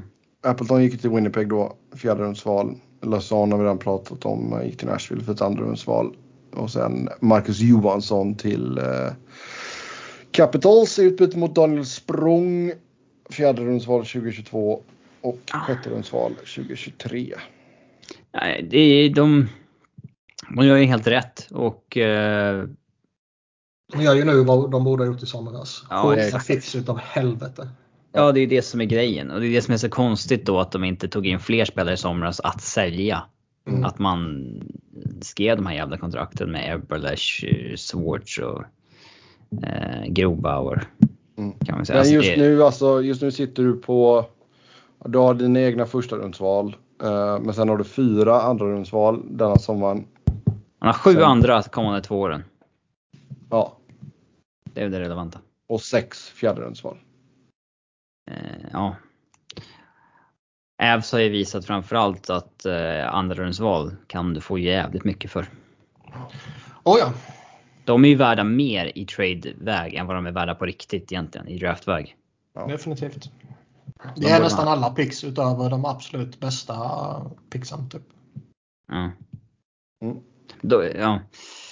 Det kommer vi in på med Tampa, jag ska säga det då. Men, Jo, Eh, nej men, men Seattle gjorde rätt som sagt. ja men jag skulle... Giordano borde man fått kanske en first rounder för. Framförallt när man slänger in Blackwell. Nu vart det väl så att det blir typ Giordano för två second rounders, Blackwell för en third rounder. När man liksom slänger in Blackwell-dealen så hade man någon av de där borde kunna bumpas upp till en first rounder, tycker jag. Det sägs ju dessutom att han... ehm, eh, jag tror det var Giordano jag läste det om i alla fall. Att han i, i princip ska ha ehm, sagt att uh, trada mig vad ni vill. Jag vill bara bort. Nej men liksom tra- trada mig vad, vad ni vill. Ehm, han hade någon eh, no trade klausul som gjorde att han skulle lämna in en lista på 10 lag och då skickade han in 10 icke slutspelslag. Mm. Ehm, och sen så bara skicka mig till, till ett slutspelslag så är jag nöjd liksom. Jag för mig det var Giordano som, som det var kring. Jag, jag kan ha fel, det kan ha varit någon annan jävel. Men ehm, Någon lacrosse-spelare kanske. Vi säger, vi Det är, ganska vanligt, det är ganska vanligt i lacrosse att spelarna inte har så mycket att säga till om i trades. Men det är kulturen liksom att man, man, man går dit man sägs gå Mm. bara. Man rättar in sig i ledet. Mm. Mm. Och Men sen innan han, han, för han ja. kom ju hem till Toronto nu. när Han Ja. född och uppvuxen och så här. Och, eh, Sägs att Calgary var på och försökte men det var omöjligt med tanke på att det finns ju regler kring hur du får inte trada tillbaks någon från expansionen och retaina lön typ. mm. Nej. Eh, Ja. Uh, St. Louis då. Eh, in med Nick Leddy. Och som sagt man skickade andra rundsval 2023 Oskar Sundqvist och Jake Wallman till Detroit. Eh, Alltså är man villig att skicka en andra mot en back här så det fanns ju backar som var bra och som är bättre än Leddy är idag. Han har ju tappat ut helvete ska sägas.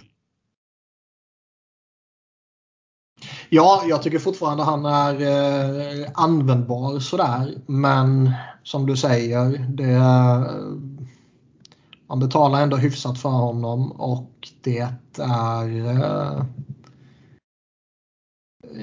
det fanns annat som man borde kanske kunna ta sikte på. De var väl ett av, eh, av lagen som varit eh, eh, ihopkopplade med Jacob Chychrun till exempel. Mm. Och någon annan back som jag inte kommer ihåg nu. Så eh, de kanske hade allt fokus på något större och sen så kraschade det och då fick man slänga ihop något snabbt nu. Vem vet? Mm. Mm. Helt sant, helt sant. Ja, ja. Det om St. Louis. Uh, Tampa Bay då. Hagelin. Det är väl den uh, stora grejen där för dem. Uh, Nick Paulin och Riley Nash in. Ja, de har ju ett behov att eh, säkra upp billiga kontrakt. Och det gör de ju eh, ja, för alla. Men, men det blir en större faktor kring Hegel med tanke på att han har term också. Och det är ju jätteviktigt för dem. Och han kommer ju sannolikt vara, vara nyttig för dem givetvis. De släpper ju inte iväg några spelare som de kommer sakna direkt. Eller? Nej, jag tror ju inte de... eh, Det är billiga löner de släpper. Hade de inte velat ha... Jag tror, alltså nu, nu tänker jag ju på, eh, på de de släppte till Chicago bara. Och Ja, Kautschuk och alltså det de är och, och Radish, släppa dem och ersätta dem med Hagel och eh, Nick Paul är ju en uppgradering. Kan jag nog tycka. Ja, men alltså Radius och Kautschuk är signade tre år på 760 000. Alltså det Mm. är ju ganska attraktivt. Fast det är ändå en del Tampa-supportrar som verkar vara liksom, ja men de har liksom inte bidragit med någonting, de har bara varit där. Ja. Jag följer någon som det- är jättehög på dem som Ja. har varit någon... Men det, det kan ju ändå vara en... ehm, Alltså med tanke på vilka drivande spelare Tampa har i Stamkos Point, eh, Kucherov, Hedman, Vasilevski och ytterligare ett gäng så det kanske finns ett värde i att ha billiga spelare som bara är där utan att det direkt skadar dig så att säga. Mm. Ja, men alltså man lägger ju mycket på Brandon Hagel här ska sägas. Mm. Jag vet att han, att han har ett kontrakt på 1,5 i två år till. Det är ju det är ju värt guld för Tampa. Så är det ju. Men jag, jag tycker man ger upp två spelare som hade kunnat varit i princip Brandon Hagel för dem och två first rounders. Det är fan saftigt alltså. Jag tycker de, de går riktigt hårt här alltså. För honom. Jag vet inte om han är så bra. Nej, men eh, det kan väl ändå vara fullt rimligt att det han gör den här säsongen kommer vara hans absoluta prime. Liksom. Ja. Och, eh, då, då ska jag säga att eller så är det ett monsterfynd det här kontraktet de kommande två åren också. Ja, det var det de hoppas på att det ska vara någon sån här Blake Ja, Coleman-figur i, i två år. Men eh, jag är osäker på om det är det. Men eh, eh, Nick Paul-dealen tycker jag, alltså Nick Paul har ju begärt så här eh, att han ska ha liksom fyra års kontrakt på så att eh, två och en halv, tre mil. Och det är ju för mycket för Tampa. Det kan ju inte de ge honom. Och Han är Nej, han bra, eh, så att, måste ju eh, antingen signa jättebilligt eller släppas. Ja. Så där, den tycker jag är lite konstig också. Men det, det jag- tycker att de gör bra, det är väl att de... eh, Alltså när de skickar två first rounders till Chicago, att man får tillbaks två fjärde rundare. Även fast liksom sena picks Väldigt begränsat inte... värde dock, men det är ju bättre än ingenting givetvis. Säga, man, sena picks är inte värda så mycket men att skickar du ett högt pick, försök få tillbaks ett lägre pick. För att vi ser ju att du kan ju liksom, de här fjärde rundorna, du, du kan ju få spelare för dem senare. Alltså typ som Namestnikov idag och Justin Braun och Derek Brassard. Du får ju sådana spelare för dem sen. Så de har ju ett värde. Ja. Och sen i, i draften så vet vi ju att det är inte så stor skillnad på en second rounder, third rounder, fourth rounder. Alltså det är ungefär samma värde på dem och eh, det är egentligen bara i högt i första rundan som draftvalet är riktigt, riktigt värdefullt. Mm. Även om man inte draftar högt så se till att man har draftval att bara liksom maximera sina chanser.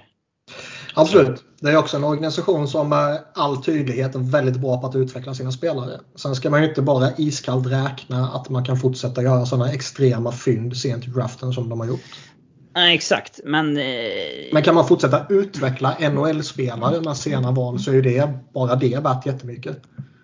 Det behöver inte vara en ny Nikita Kucherov till exempel utan det räcker ju att det är en ny spelare som bara är ordinarie och gör sitt. Ja, eh, poängen är du kan inte hålla på att drafta liksom tre val per år. Det, det kommer inte hålla i längden utan Mm. och oavsett om det är sent, försök drafta ja, att du har sju picks varje år ungefär. Så Ja. även om det blir senare så det är i alla fall en bra grej tycker jag. Och de har gjort så. De har fått tillbaks seven rounder av Rangers, de har fått tillbaks sjätte rundor av eh, Detroit och sådär. Så att de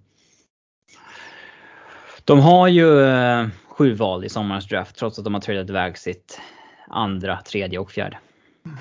Mm. Det, Men fascinerande också. eh, Alltså he he hela Hegel-traden är ju sjukt fascinerande på så många sätt. Och jag vet fortfarande inte om jag tycker att det är rätt eller fel att göra den. Liksom. Men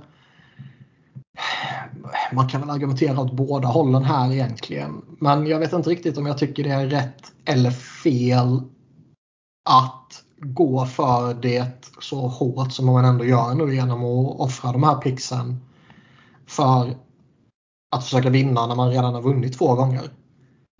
Alltså vinna en tredje gång vore ju episkt och någonting som är unheard of i den här eran. Och inte jättevanligt i historien heller. Ehm, men är det en satsning man ska göra när man redan har fått sina kupper så att säga? Jag vet inte riktigt vad jag tycker. Uh, utöver att jag tycker att det är uh, väldigt fascinerande och ska bli skoj att följa. Mm. Alltså, det är Vidare väl till inte- Toronto. Nej, kom igen nu. Nej, men, nej, sluta. Eh, va- varför, ska de, varför ska de sluta liksom gå för det så bara för att de har vunnit två gånger? Det är väl inte så jävla, det vore ju konstigt snarare eller? De har ju, in- det är inte ett jätteålderstiget lag alltså där. De, Nej, jag menar väl mer liksom att de, de, de, eh, jag tycker väl även utan de här förstärkningarna så tycker jag ju att Tampa har allt som behövs för att kunna vinna. Eh, man boostar upp sig men gör man det så pass mycket att det blir en avsevärd skillnad? Kanske, kanske inte. Eh, man kan också falla tillbaka lite på det vi nyss pratade om att man behöver eh, picks. Liksom. Så jag vet inte riktigt vad jag ska tycka men det är en fascinerande situation och jag tycker det är en intressant eh, grej att bara lyfta. Typ. Nu går vi till Toronto. Som sagt in med Giordano och Colin Blackwell. Sen eh, skickade man Travis Dermott till Vancouver. Fick tillbaka ett tredjerumsval 2023. Sen eh, tappade man då Harry Säteri via Wavers Och eh, Peter Merasek gick igenom Wavers. Jag vet inte riktigt var jag har Giordano. Dels har man sett eh, extremt lite av Seattle denna säsongen. Jag tror jag har sett dem någon enstaka gång bara. Eh, eller några enstaka gånger snarare. Och, eh, de har inte lockat att titta på. Nej, det, ju, det var ju lite där i början när det var lite, lite spännande för att de var nya och sen är det ju när de har mött Flyers då givetvis. Men eh, han har ju gått ner sig lite allmänt de senaste åren och eh, har väl inte gjort någon sån här superavtryck rent statistiskt heller. Så det är svårt att veta var han står. Han är ju gammal som gatan, det ska man komma ihåg. Ja, Alltså, ja, han har ju 38 verkligen, bast. ja, man kan gå i tron att han är typ 34 men han är 38. Mm. ska man komma ihåg. Um, visst, han var ju Norris uh, kapabel bara för något år sedan. Så att, uh, eller några år sedan. Några år är det nu så. Ja. Pre-pandemic. Ja.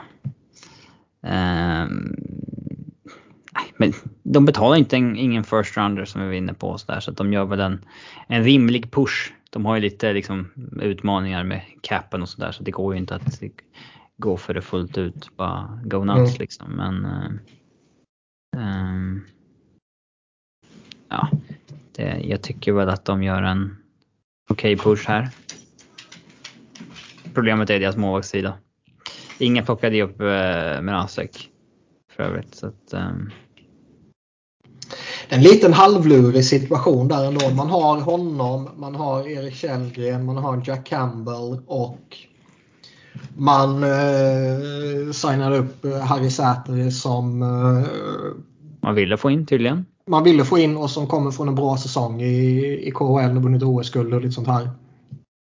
Eh, allt det samtidigt som man sätter Mrazek på waivers och därmed i allra högsta grad inte har något emot att tappa honom.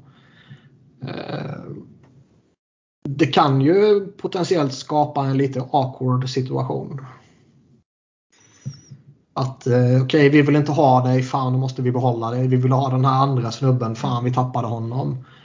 Eh, här kommer den här 25-årige nobody och kommit in och gjort lite halvsuccé sådär eller helsuccé beroende på hur man vill se på saken. Och eh, det är väl egentligen Jack Campbell som de kanske vill eh, försöka luta sig mot. Ja, ja. Ja, alltså jag kan ju lätt se ett scenario, alltså även om man nu gick, gick bet på Säter då, via waivers. Um, att man hellre kör vidare på Campbell och Källgren.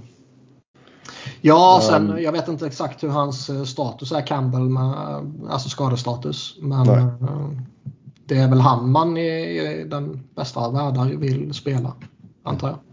Mm. Men Razak har två år kvar på 3,8 miljoner också.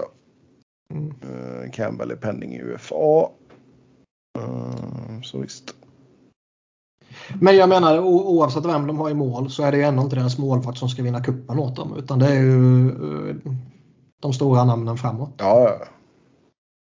Och eh, även om det råkar vara Vasilevski som har vunnit kuppen de senaste åren så eh, vet vi att man eh, inte nödvändigtvis behöver ha den absolut bästa målvakten för att vinna kuppen utan man behöver ha en, eh, en duglig målvakt. Ja, men alltså Giordano, det är tungan på vågen för Toronto. Liksom är det, och det, det, Kan mycket, det har varit mycket snack om Toronto och backar i många år känns det ju som. Um, Det vore otroligt in- om de inte vann en serie den här gången. Plockade du in uh, Lubushkin för någon, det är väl några veckor sedan nu va? Mm. Eh, för lite size och sådär. Och Giordano är väl fortfarande en, alltså rent defensivt är han väl fortfarande en topp 4 back. Ja, ja topp 4 back, ja det är han absolut. Så visst, vi får väl se. Vi får väl se. Mm. Win it for Geo. Just nu, skulle de alltså- möta, just nu skulle de ju möta Tampa i en första runda i och Ja, för sig. jag skulle säga det. Det är bara... Det finns risk för smisk, som man säger. Den dåliga sortens smisk. ja, Mm. exakt. Ja. Till Vancouver och eh, man skickade då Travis Hamonic till Ottawa. Fick en tredje, tredje rundsval 2022 tillbaka där. Sen eh, in då med Travis Dermott istället. Så man föryngrade sig lite där. Eh, skickar tredjerumsval 2023 till Toronto. Och sen skickar man Tyler Mott till eh, New York Rangers och fick in eh, fjärderumsval 2023. Här syns det ju att det är lite av en smart organisation på plats nu i Vancouver igen. Ja, man uppgraderar sig lite på, på backsidan där som du hintade om och föryngrade sig lite. ju. Ja, Och eh, skickar en dålig Hamonic bort, ta in en ny Dermott eh, för samma pris och skapa, alltså man skapar cap space och uppgraderar. Mm. Eh, Tyler Mott är ju ingen, alltså han är ju en He's a hockey player som Mark Joe brukar säga. Jag vet att Men- eh, Vancouver-fans var ganska, liksom, han är ganska omtyckt där. Det var många som var besvikna att de bara fick en fourth rounder. Eh, och att Det kan jag faktiskt inte värdera men, men eh, att bli av med honom är ju det är ingenting som påverkar din säsong åt endera håll. Det är en spelare man kan sälja av och inte direkt liksom eh, känna att "Uff, nu satte vi oss i en jobbig situation här i slutspelsjakten. Nej, alla lag har en Tyler Mott och har, alla lag har kvar en Tyler Mott även om de skickar en Tyler Mott. ja. Eh, det, det är väl inget speciellt så. Mm.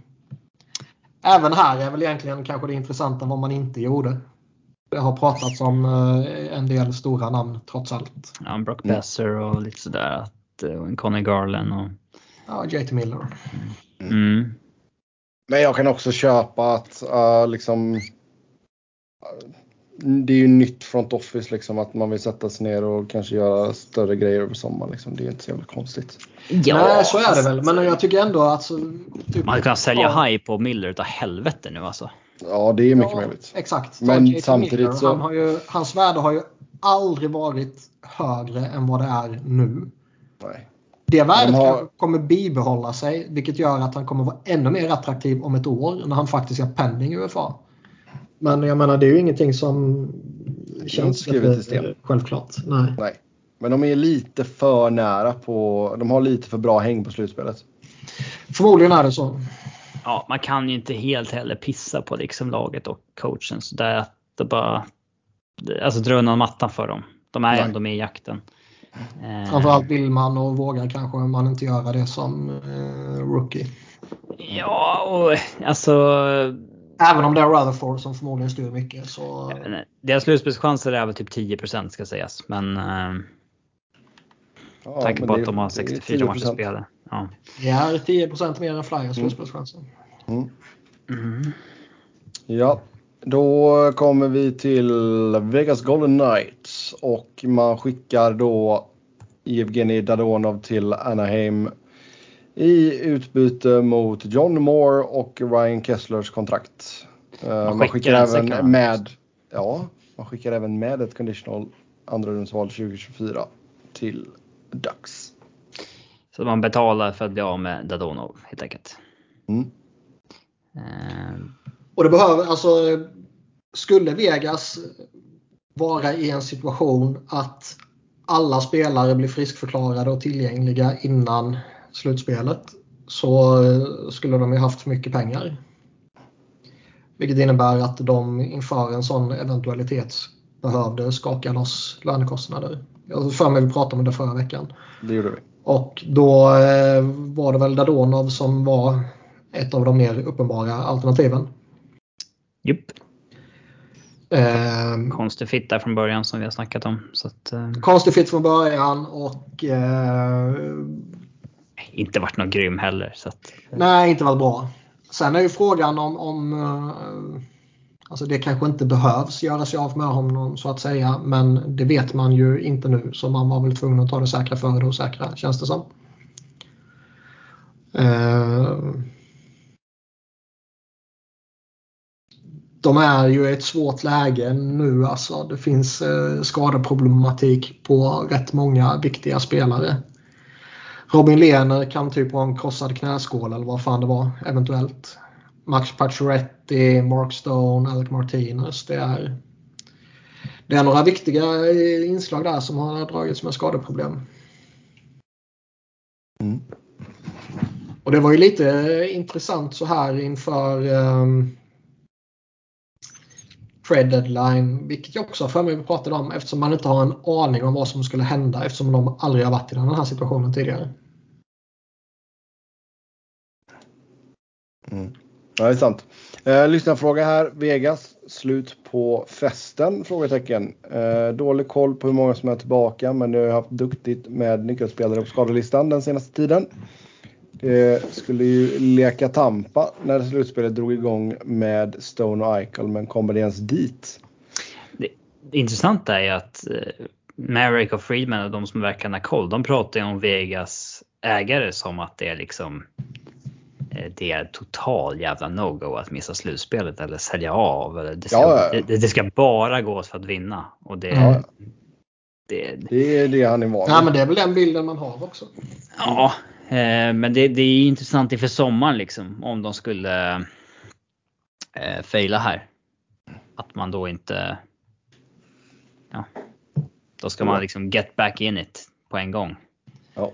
Ehm, Jo, men alltså är alla friska där så är det ju ett lag som som borde ligga mycket högre upp. De har ju, de har ju inte ett... eh, Alltså de har Minnesota, Winnipeg, Nashville, Chicago, Seattle gånger två, Vancouver gånger två, Arizona, Vancouver, Calgary, Edmonton, New Jersey, Washington, San Jose, Dallas, Chicago, St. Louis.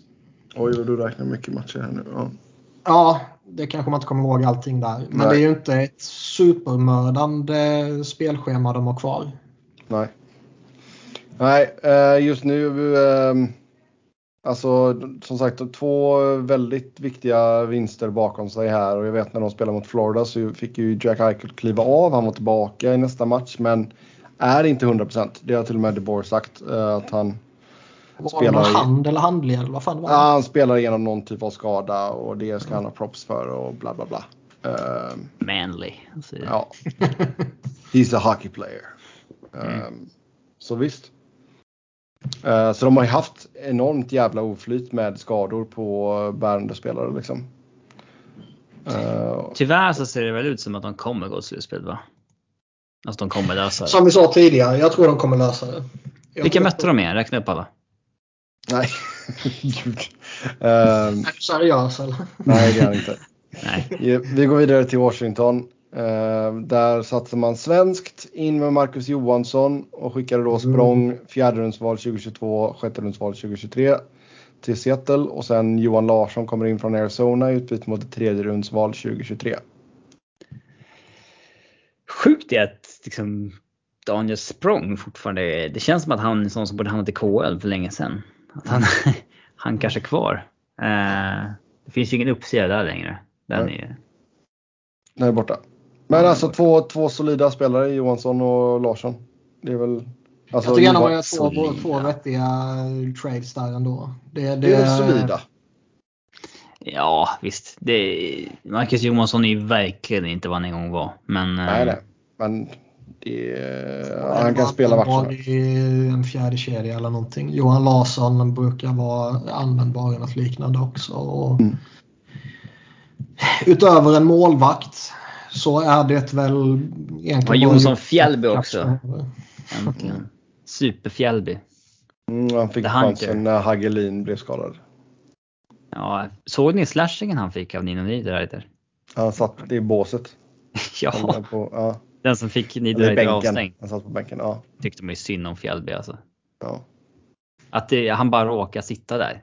Mm. Nej, liksom, det, det, är, det är Tom Wilson som Dålig tacklar, spelförståelse och sitta på fel ställe.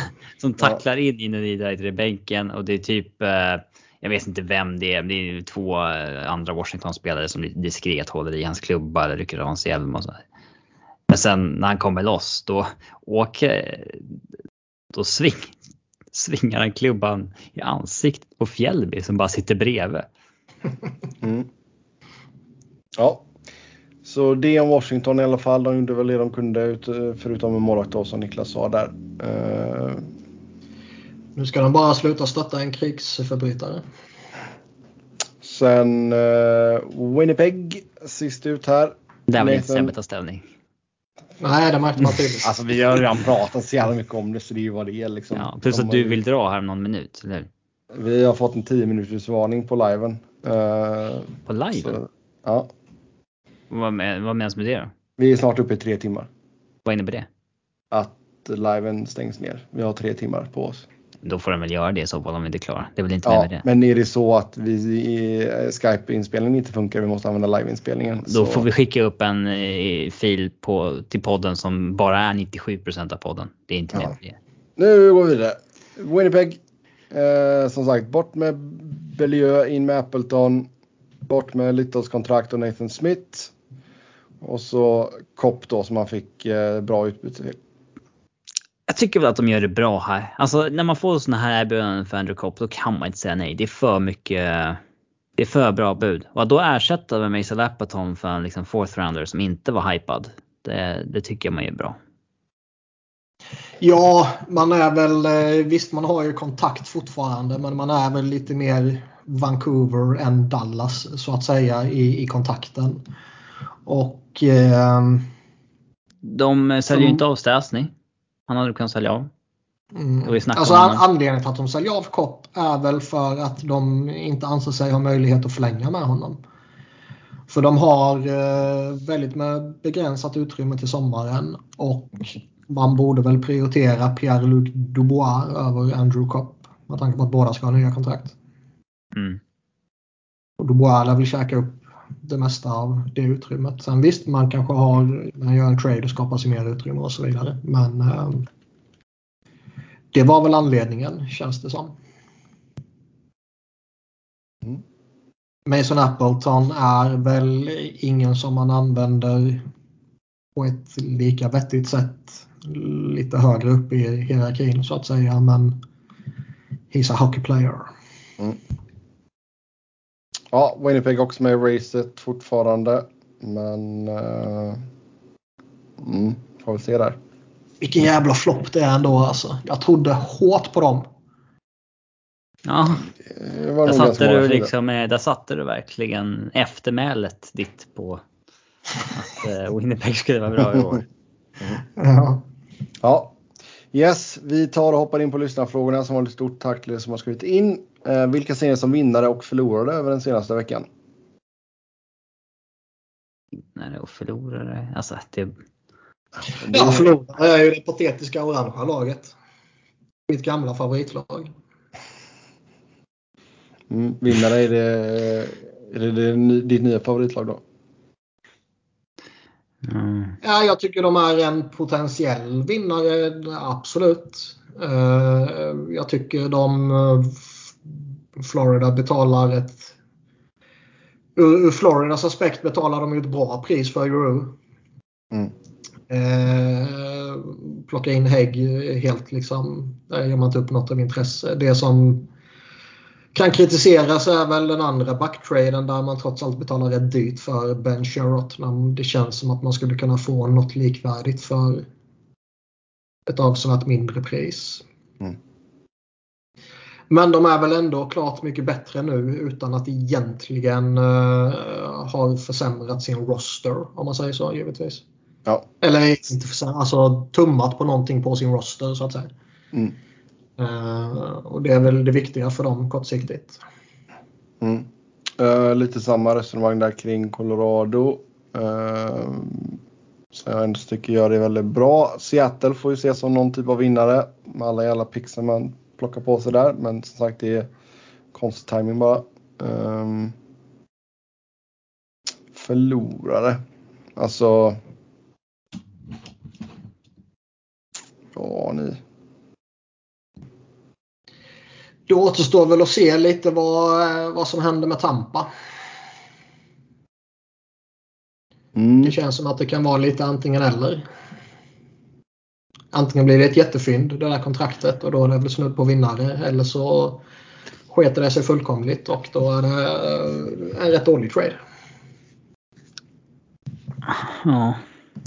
Alltså det kan ju verkligen vara den här som traden som är så här att man eh, ja, där började tapp, där började Tampa gå fel. Typ. Mm. Skickar man två first rounder för någon som inte är bra, då jävlar du. Ja, sen eh, ingen deadline-fråga, men hur mycket av med och motgångar ska man egentligen tillskriva coachen? Vi har väl andra, vi har väl alla å ena sidan känt och upplevt att en coach förstört en slag och så vidare. Å andra sidan kan man kolla på Florida som förlorar en av de bästa coacherna inom situationstecken och ändå går som tåget. Det, där, alltså det är bland det svåraste som finns i sportvärlden, tycker jag. Att eh, separera vad är liksom truppens förtjänst och vad är coachens förtjänst. För du får ju aldrig svaret på hur exakt samma trupp är mot exakt samma motstånd utan den coachen. Alltså, du kan ju se ett coachbyte äga rum under säsong eller att ens coach försvinner. Och, men då får man den här ny coach-effekten. Den är ju alltid lite dopad. Mm. Eh, men ju, alltså, just Florida tror jag väl ändå, alltså, där sattes ju systemet och de, har bara kört på på det liksom. Nej men jag tror det, alltså tappar man en coach på det sättet där. Där, där, man liksom inte vill göra sig av med honom för att det idrottsliga har gått åt helvete så att säga utan det var andra faktorer.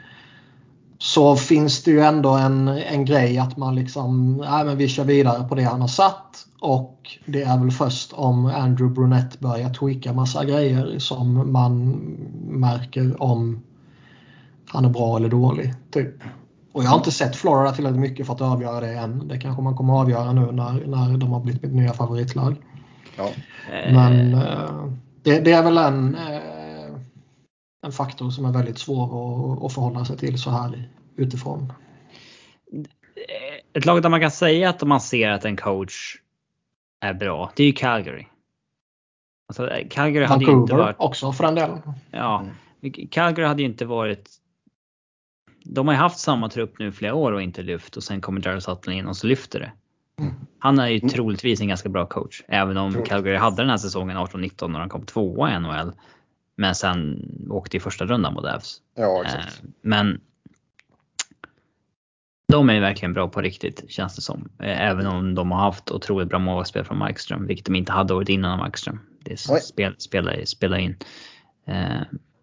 Eh, men det är jättesvårt att säga vad en coach förtjänst och inte. Då man, man, ser också, nej, man, man, ser också en nej. faktor. Alltså, Martin Saint Louis är ju intressant. Han får liksom jobbet i Montreal bara för att han typ råkar vara polare med deras nya GM och eh, har varit typ P13-coach eller vad fan det var tidigare.